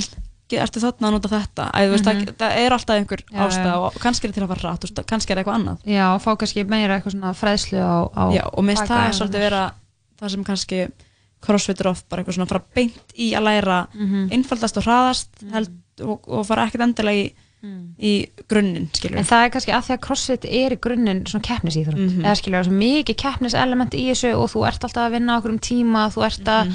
þú veist, það er alltaf að vera að stefna kannski að eitthvað one rep max og það er að vera að stefna að þú veist, hérna, þú eru að klára svona margar umfyrir og tíma okkar Mhm. og hérna, þú veist, ég æfi ótrúlega mikið á tíma og bara eiginlega alltaf í þjálfun hjá mér það er eitthvað á tíma en þú veist, allavega mér þá hérna, reyni ég samt alltaf að segja ok, við erum að vinna tíma en ekki láta það samt Mhm. ekki láta tíman þjarma að ykkur þannig Einmitt. að þið fari bara eitthvað 80% í nýjaböðina og, og fari ógeðslega hratt í þetta og eitthvað skilur þú veist, frekar þú veist, hægið brá og, og eitthvað svona setja frekar meiri power í hvert og eitt í snæðan fyrir að fara hratt en hérna en bara alls ekki að lasta crossfitið sko, crossfitið er mjög flott og, og er fín reyfing og svona en þú veist, ég held að svo er þetta svolítið svona, ok, hvar er ábyrðin Mhm. þú veist, á, liggur hún hjá þjálfaranum eða liggur hún hjá yðkandanum, hjá manneskinu sem er að mæta æfingu út af því að veist, þjálfarar geta bara gert x mikið, þú kemur bara inn með þína vitnesku og þú veist, þú ert leiðbennandi og da da da. En svo manneskjan sem að mætir, hún verður náttúrulega líka átt að segja á því að, að hún ber ábyrðina, mm skilur þegar æfingin er búin þá, þá þú veist, þú getur ekki verið að eldast við mannesku eftir æfingu alltaf, hei þú veist hvernig líður og hvernig hérna.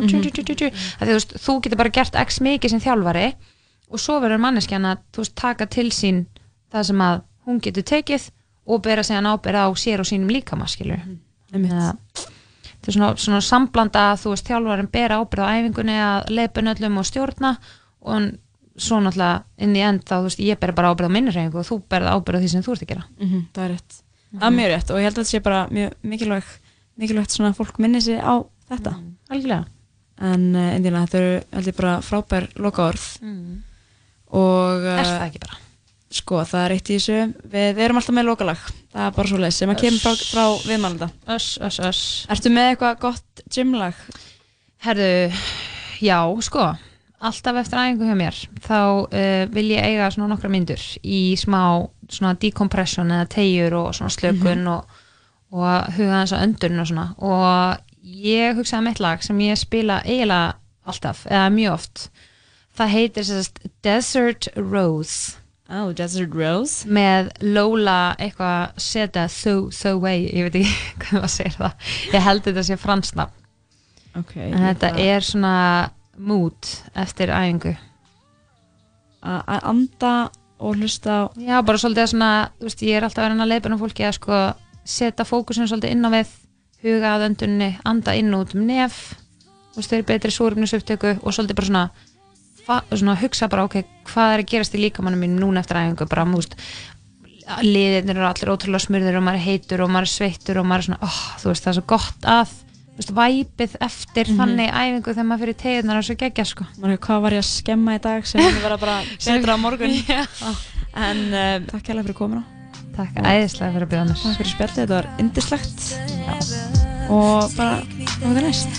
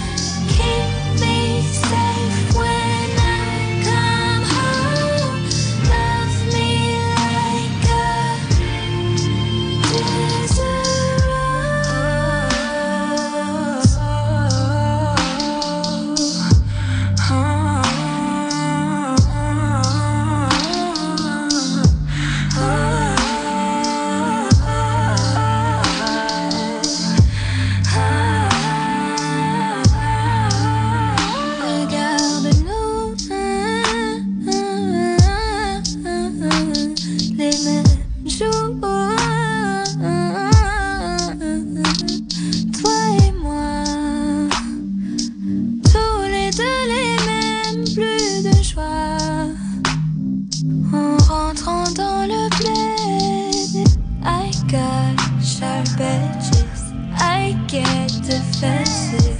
Too lost to care, middle finger in the air. I'm sorry that I scared you. Be my protector when I cross the Sahara. Take me there, take me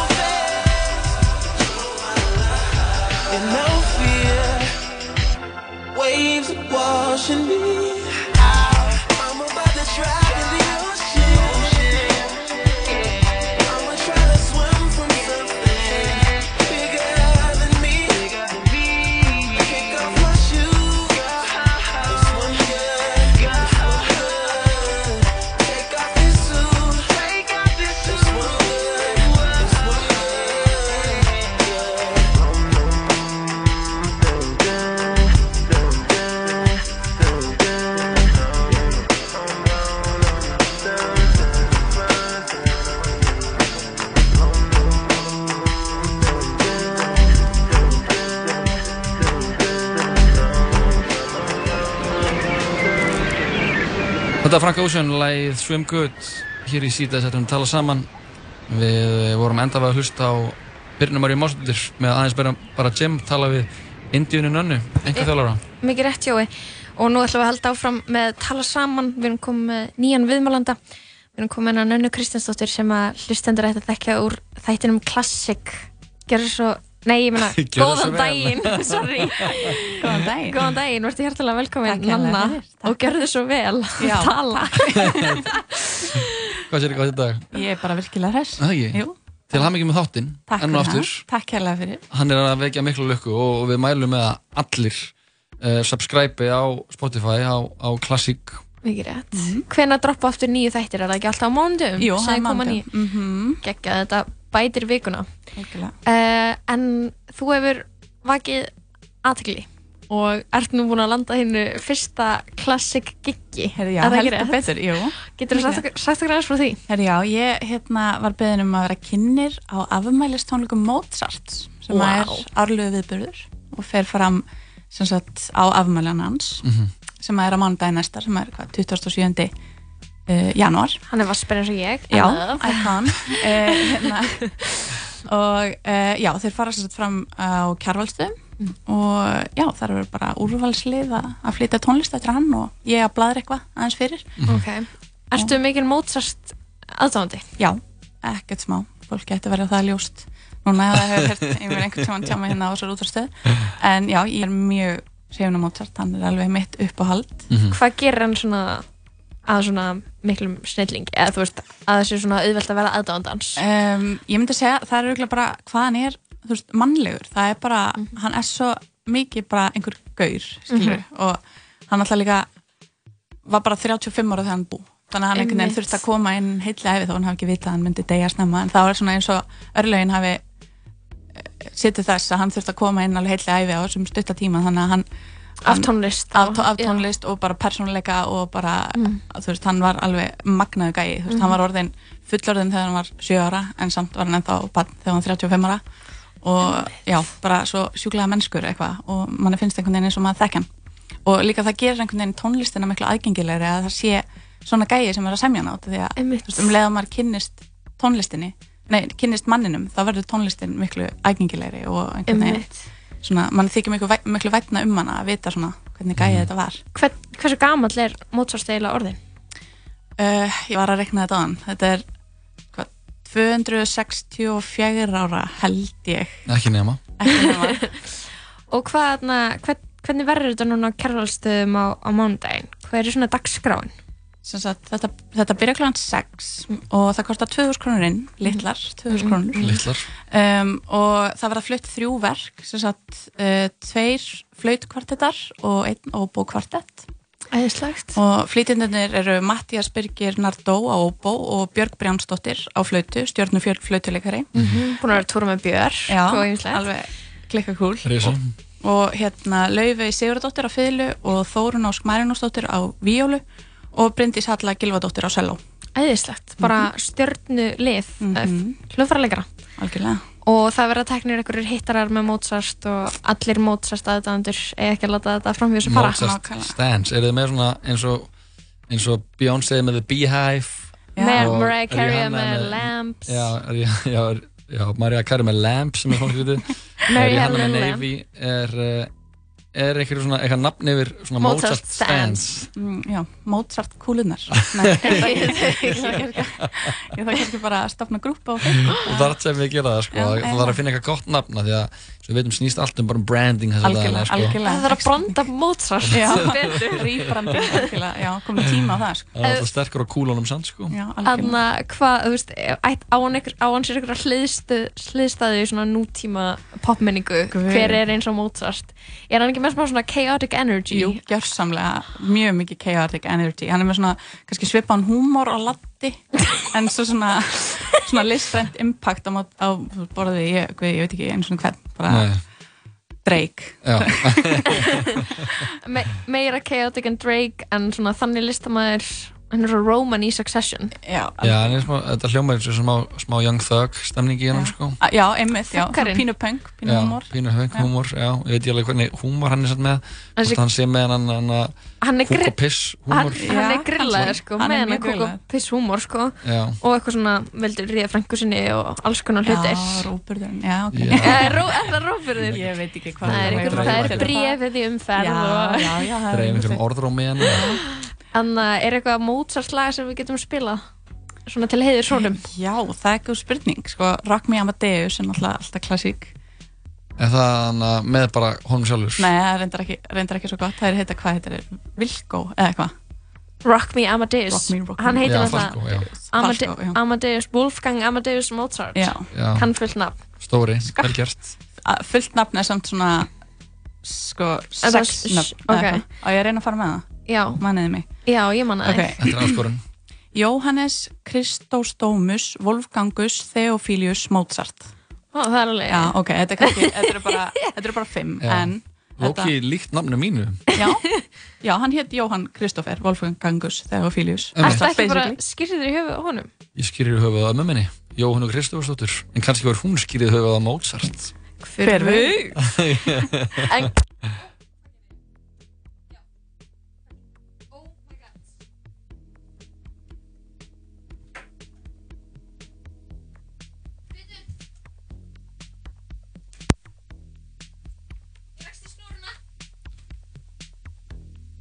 uh, Já, heyrðu, við erum komin aftur í loftið uh, Halló? Ég rakst í snúruna og Lóa. slökti á útvarskræðanum þannig að þó ég sé ekki að tökkanum þá get ég samt Það valdið ómældum skada Og rústa útvarpinu. þetta, þetta hefur gerst einu svona aður þegar Ísak var hérna að stjórna þá gerði hann það þannig að ég vissi nákvæmlega hvað það hefði gerst ok, hú, allavega uh, Nanna, áður en þú ferð, áður en þú sleppur hvernig ætlar að að gera þetta á mándaginn? Ætlar að vera með eitthvað Mozart fróðleik eða Uh, Mozart-kúlur. eitthvað Já, pælingar verður þetta eins og klassik er þetta fyrsti klassik live? Já, það má kannski orða þetta sem þetta sé fyrsti Classic Live. Um, ég ætla nú bara að halda þessu svona frekar svona léttu og skemmtilegu og bara reyna, já, svona gera gott forspil að, að þessum, þessari fallegu tónlist sem verður í, á dagskrá og hérna, já, gera nú góð skil, vonandi. Eðislegt. Hljóma bara fullkomið. Uh, notaleg kvöldstund á Kjærvalstöðum. Já, Já. Klukkan 6 á mandaginn. Hljóma sér sem mándaginn. I love that. Ekki láta það fara mig að fara. Nei. Endum þetta á Rock Me Amadeus. Þetta er hljómsveitin Falcao. Gjör svo vel.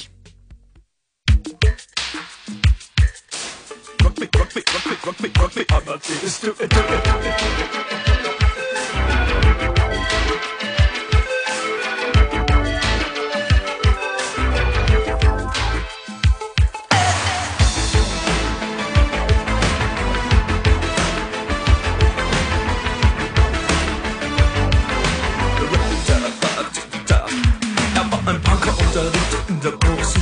Es war in Wien, war Vienna, wo er alles tat. Er hatte Schulden, der Natur, doch ihn liebten alle Frauen. Und jede rief, na kann man Rock me Amadeus. Er war Superstar, er war populär, er war so exaltiert, because er hatte Flair. Er war ein Virtuose, war ein Rockidol.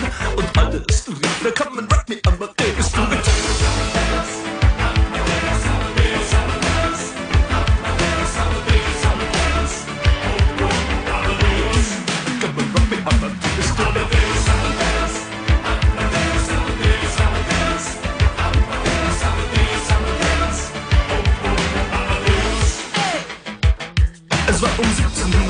und es war in Wien No Plastic Money anymore, die Banken gegen ihn. Woher die Schulden kamen, war wohl jedermann bekannt. Er war ein Mann der Frauen, Frauen liebten seinen Punk. Er war ein Superstar, er war so populär Er war zu exaltiert, genau das war sein Flair. Er war ein Virtuose, war ein Rocky-Doll Und alle suchten heute Captain Rock Me Amadeus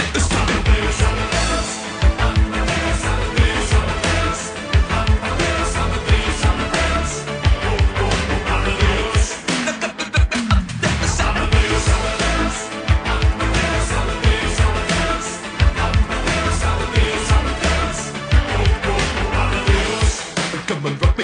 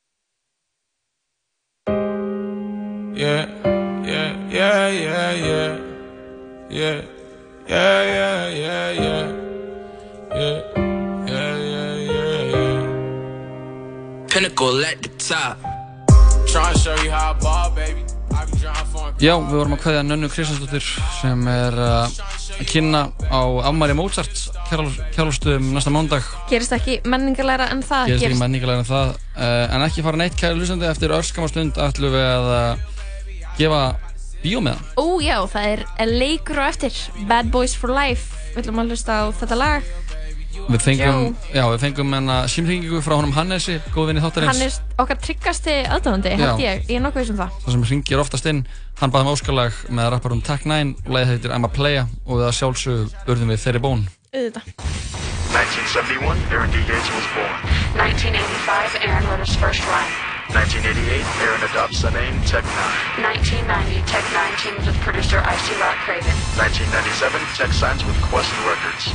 1999, Tech is released from the label. 2002, Tech and Strange Music teams with MSC Entertainment and records.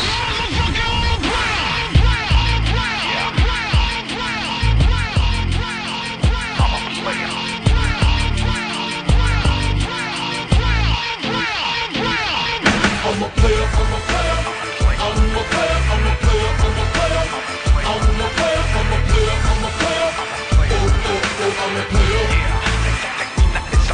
If you see me looking clean cut, matching from head to toe, dipping with a mean strut, throwing and blowing green stuff, hella cream dub with the bling cup. Ain't no wicked, we can kick it if you blew a bean up. If you see me step off in the club or with some pros, with about six of them cut, no longer waiting to be chosen. If you hear me tell my homies anything goes, with these chickens dipping two Davies right when the club clubber close. If you see me on the grind, getting. If you bust in the room and find me hitting yours from behind. If you hear me busting rhymes, ripping each and every time. If I got it at capacity and you still got a line. If I'm rolling on dubs, if it's K-Town Bud. If they showing me love with a red rug at the club. If you see them haters giving me mugs, ladies giving me hugs. No, it ain't no rocket science, it's because I'm a player, I'm a player. I'm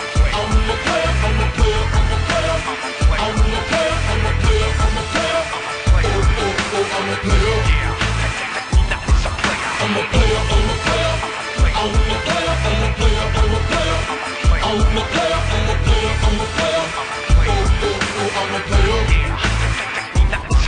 I'm a player in every sense of the word you heard. I'm getting money from these dummies, flip your chick so absurd. I'm a player and I pop collars. I'm a player when I don't or when I drop dollars. Them rock dollars. She don't want no softy saying he do when he don't. She don't want no perpetrating nine to five trying to flunk. She don't want no punk that can't get it crunk. No, she don't, that's how it goes. So my homie Calico, tell him what she want. She wanna play and not thugs on thugs. We be rolling them 22s and 3s, popping ludes and V's. I'm in hot pursuit of a prostitute. Calico, not boots, got slots to shoot. And I'm pulling out the latex and giving it to who's next. And pulling, pulling bootleg with unforgettable sex. She's and ooh and new sweat. And I ain't telling who's wet. And I ain't getting loose yet. So who's next for who's next? I'm a player. I'm a player, I'm a player, I'm a player. I'm a player, I'm a player, I'm a player. Oh, oh, oh, I'm a player. I'm a player, I'm a player. I'm a player, I'm a player, I'm a player. I'm a player, I'm a player, I'm a player. I'm a player. Listen closely, this is something you might not know. Never ever tell your love, or else you'll get your love. Moving groups, no one on one when you hit the club. And you should know this if you call yourself a wicked thug. If you creep to the movie store, away your ticket stub. Yeah. If you sex and learn this lesson when you wash off, just use hot water, don't put no soap on your washcloth. That way, when you get home, no questions, you won't leave her vent. Don't be a dope and use the soap, cause it will leave a scent. Don't tell a number two that she's your one and only. Cause if she knew, it's way easy to go her own way. If you're taking chickens to your secret home, hey, always go the back way to confuse them, just take the long way. To all my ladies, if you're playing, throw your hands up. To all my fellas, if you're playing, throw your grands up. This is forever, baby, having clever things. I'm a player, motherfucker, and I bet I never change. I'm a player, I'm a player. I'm a player, I'm a player, I'm a player. I'm a player, I'm a player, I'm a player. Oh, oh, oh, I'm a player. I'm a player, I'm a player. I'm a player, I'm a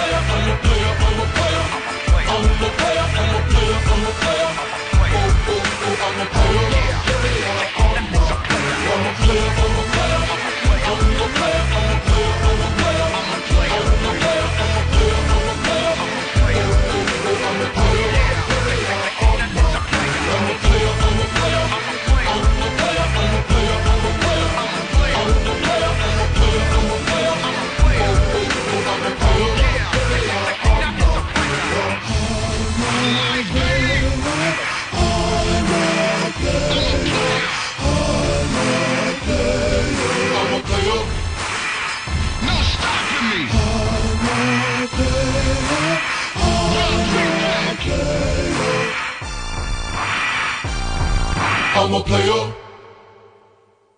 Já, takk næn Læð I'm a player. Hér í síðastættum tala saman.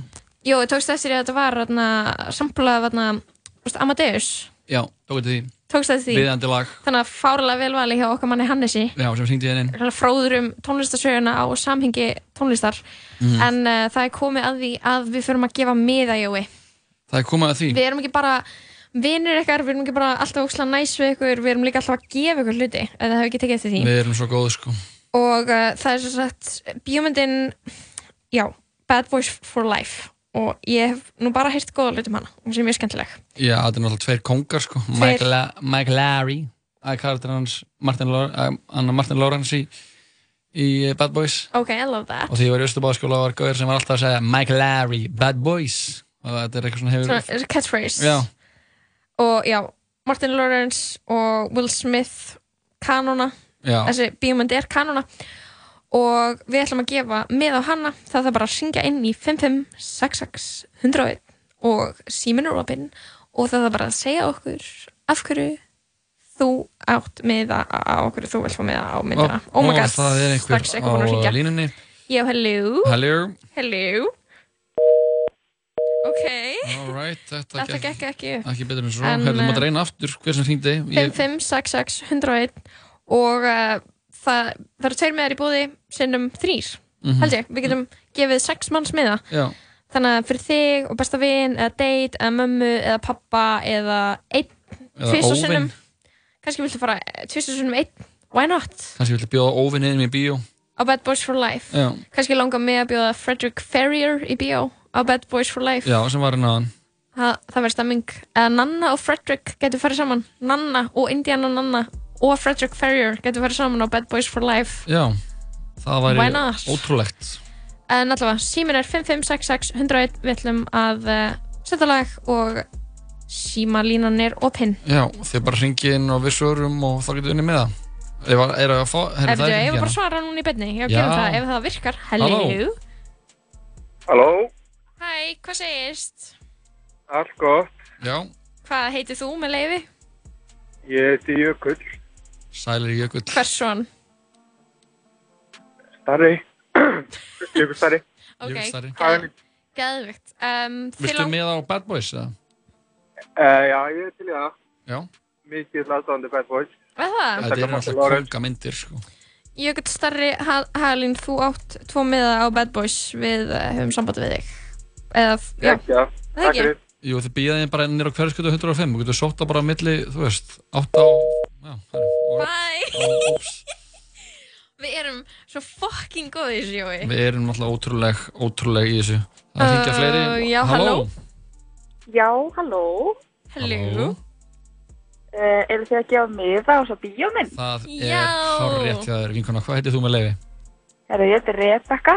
Sæl Rebecca Já, og mér langar að bjóða manninu sem ég er skotin í með mér í á þessum enn. Oh my god, hvað heitir hann? Hann heitir Máni. Máni, lucky guy Eru þið búin að vera að deyta lengi?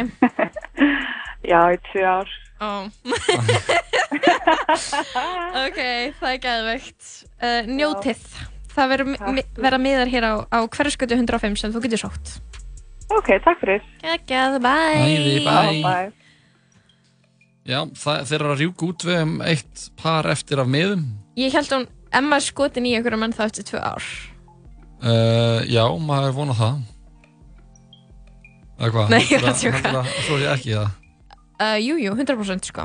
Mm. En þú veist, þá er það orðið skilur ást.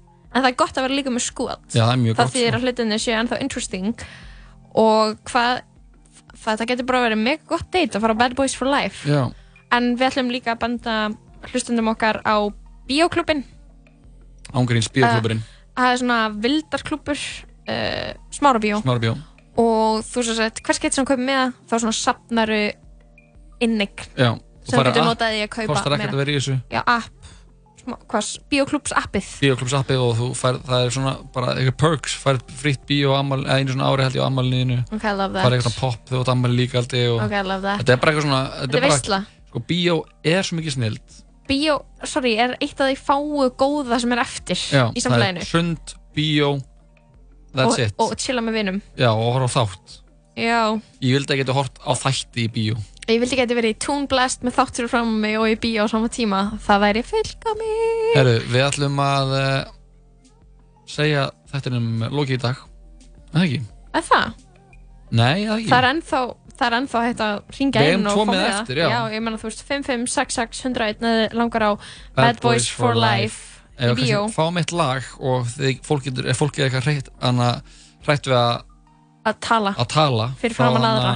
þá gefum við því núna því fólki kost á að ringja inn Nákvæmlega. og uh, já, fá minna þetta er viðandi lag þetta er Diddy, lagið Bad Boy for Life Hey yo, you ready? Let's do it.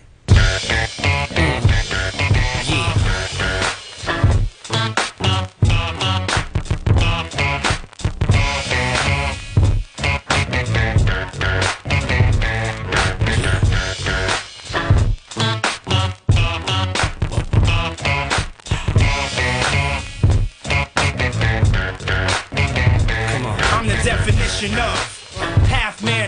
drugs, ass to clubs. Bad boy, that's what's up. After bucks, crush crews after us. No games, we ain't laughing much. Nothing but big things. Check the hit list, how we twist shit. What changed with the name? We still here, you're rocking with the best. Don't worry if I write rhymes, I write checks. Who's the boss? Dudes is lost. Don't think cause I'm iced out, I'ma cool off. Who else but me? And if you don't feel me, that means you can't touch me. It's ugly, trust me. Get it right, dog. We ain't never left. We just move in silence and rep to the death. It's official. I survived what I've been through. Y'all got drama, the saga continues. We ain't going nowhere. We ain't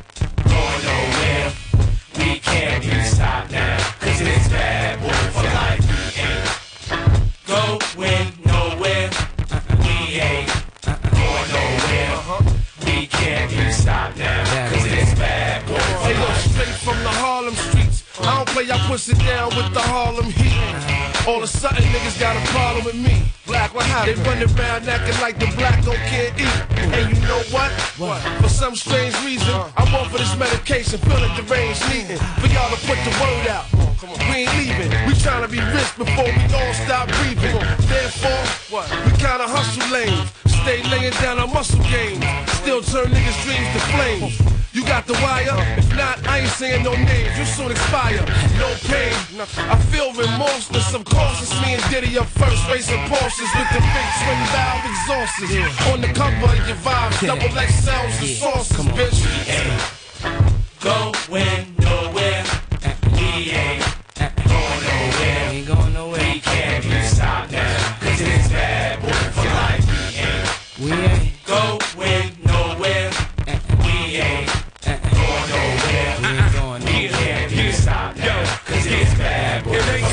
Changed since the notorious. See everything still glorious. We still got warriors, still be the victorious.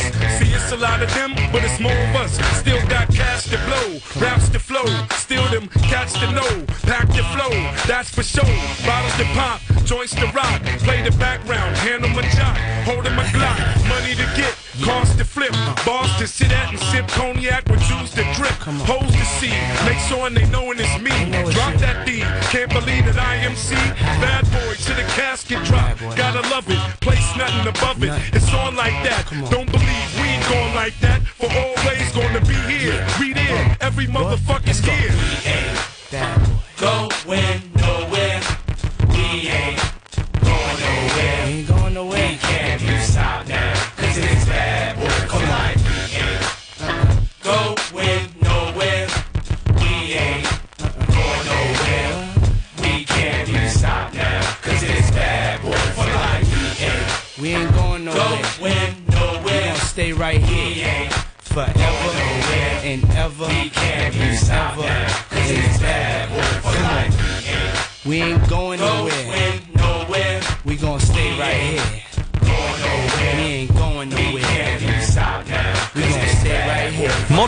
Morgun þáttur músli, alla virka morgna með Lóða Petró og Sýðubjarti. Fylgstu með þeim bestu takast á í Dominós deildinni. Við stöndum vaktina í allan vetur. Vertu með Dominós. Segjum sér svo að menning okkar hefði skólað burt Þar myndum við byggja okkar nýju veröld. Eyður, sínt í þjóðleikúsinu, miðar á leikúsið.is. Hamburgerabúla Tómasar. Ef ekki núna, hvenær? Hamburgerabúla Tómasar. Hádegistilbóð Nings á aðeins 1890 krónur og súpa og kaffi fylgja sjálfsögðu með. Nings og kroppurum blómstrar. Skráðu í bíóklubbin, sapnaðu innegn, njóttu fríðinda, nýttu innegnina í bíó, leysitak og skemmtisvæði smárabíós. Kynntu þið málið á bíóklubburinn.is Þú ert að hlusta á Útvarp 101. Útvarp 101. FM 94,1 Í bytni úr miðbæ Reykjavíkur. Já og þá eru allir miðarnir á Bad Boys for Life foknir. Þeir fuku út og uh, hlustendur þáttarins gríðilega spenntir að sjá Martin Lawrence og Martin Lawrence, og Will Smith, Will Smith, Martin Lawrence, Bad Boy for Life Bad Boys for Life. Þetta, Ok, ef- ef þú- ekki ef fólki- gera það. Ef fólki hefði sko tilfinninga, anna, tilfinninguna sem, sem ég fæ í líka með að segja þetta, Já. viltu heyra söguna? Ok, Ég var á Reykjum I love that í Herbyggi með félagi mínum sem hann að bekkjabróður sem var ættaður frá Suður Ameríku mm. og, mm, mm og hann var alveg með svona rosalega mikla uh, tengingu við þetta og var alltaf bara Bad Boys for Life, Martin Lawrence uh, Akkur segir hann svona, svona smá Jamaica af því hann sagði alltaf með svona hann sagði þetta í svona geðveikri stemningu sko. Ok, og, uh, og síðan hefur tíminn bara móta hreimur minn með, út frá þessu hvernig, þetta, hvernig ég upplifa þetta. Já, já, minningu, minningu, Minningar, minningu. uh, og hann sagði okkur á, á, á Reykjum þessa sögu frá því að þegar hann rændi banka í Kólumbíu og vinur hans var skotinn og bara Nei. hann sagði okkur svona ótrúlega sögur og hann í sko áttundabekk og hvernig Og, má uh, það vera að þetta allt gerist? þannig að það bara kom alltaf bara í ljós að þetta var uh, þetta var alltaf bara ekki ósatt Allt uppspunni í en við raun trúðum því lengi Já. vel að hann hefði rænt banka hann hefði, hann að vinur hans hefði verið skotinn og hann hefði skotinn eitthvað löggu og uh, Er það var þetta, er þetta Bad Boys for Life plottið eða? þetta, þetta gæti verið plottið úr Bad Boys uh, Ok. en hann, hann að, þetta var allan að festist mjög við einhver svona taug inn í, einhver, inn í okkur strákunum og, Já, já. Og, uh, og síðan þá hefur þetta nafn Martin Lawrence uh, aðleikarinn í Bad Boys og hans karakter Mike Larry uh, átt mjög svona hana, skýran stað í, í hjartaða mín og, og, og nokkra vinna minna. Þannig að ég er mjög spenntur að sjá Bad Boys for Life og uh, þessir þrýr hlustundu þáttarinn sem hringdu inn og unnu með það. Jöp, til hamingju, við elskum ykkur. Við elskum ykkur. Við ætlum líka að benda ykkur á þið sem eru alltaf að hlusta þið sem eru alltaf með kveikt um 4 og 6 sem erum komið Facebook-grúpu sem heitir Tala saman samfélagið. Eða hafið einhverju til að koma framfæri eða vil bara vera með í stemmingunni eða þá, verið drulla yfir okkur. þá getið bara fundið okkur á Facebook og, og, og posta þar Já. öllu sem ykkur listir. Við þakkum fyrir okkur í dag að fengum til okkar uh, fyrirsætuna, tónlistamannin og uh, raunveruleikastjórnuna Fredrik Ferrier. I love, Love that guy. Svo Hann góður. var frábær, það var gæt að fá hann. Elskan. Svo var uh, aðeins meira bara Jim, Birna Marja að tala við hana Indíun og Nönnu. Já, þær voru að tala um þjálfun Já, og gymmið. Og lífstílinn og lífstílinn. Og, og svo að, því, að þeim e, þætti loknum þá var hún Anna Kristjánsdóttir hérna hjá okkur. Hún var hér til þess að tala um afmælist tónleika Mozart sem verða á Kjarvalstöðum næsta mánudag. Það sem hún verið kynir hún var að kynnir. Um, og við auðvitað bendum ykkur á Classic þáttin hennar, hann er á Spotify og Apple Podcasts. Love það that. er komin úr, komin út nýr þáttur um Wagner Ah, sem að hann var ekki allir það sem hann er séður. Uh, Hann er, er, nei, ég bara trúi því. Hlakka til að herra hvernig hann var hann var svakalegur, hann var fyrir, Hann var fantur. Og ég elska fanta. Takk fyrir okkur í dag, verðum hér að sjálfsögða saman tíma morgun. Og uh, endum þetta á uh, besta lagi, uh, lagi ársins 2019 í Tala Saman. Þetta er Flóni, lagið heitir Hraðar. Ah.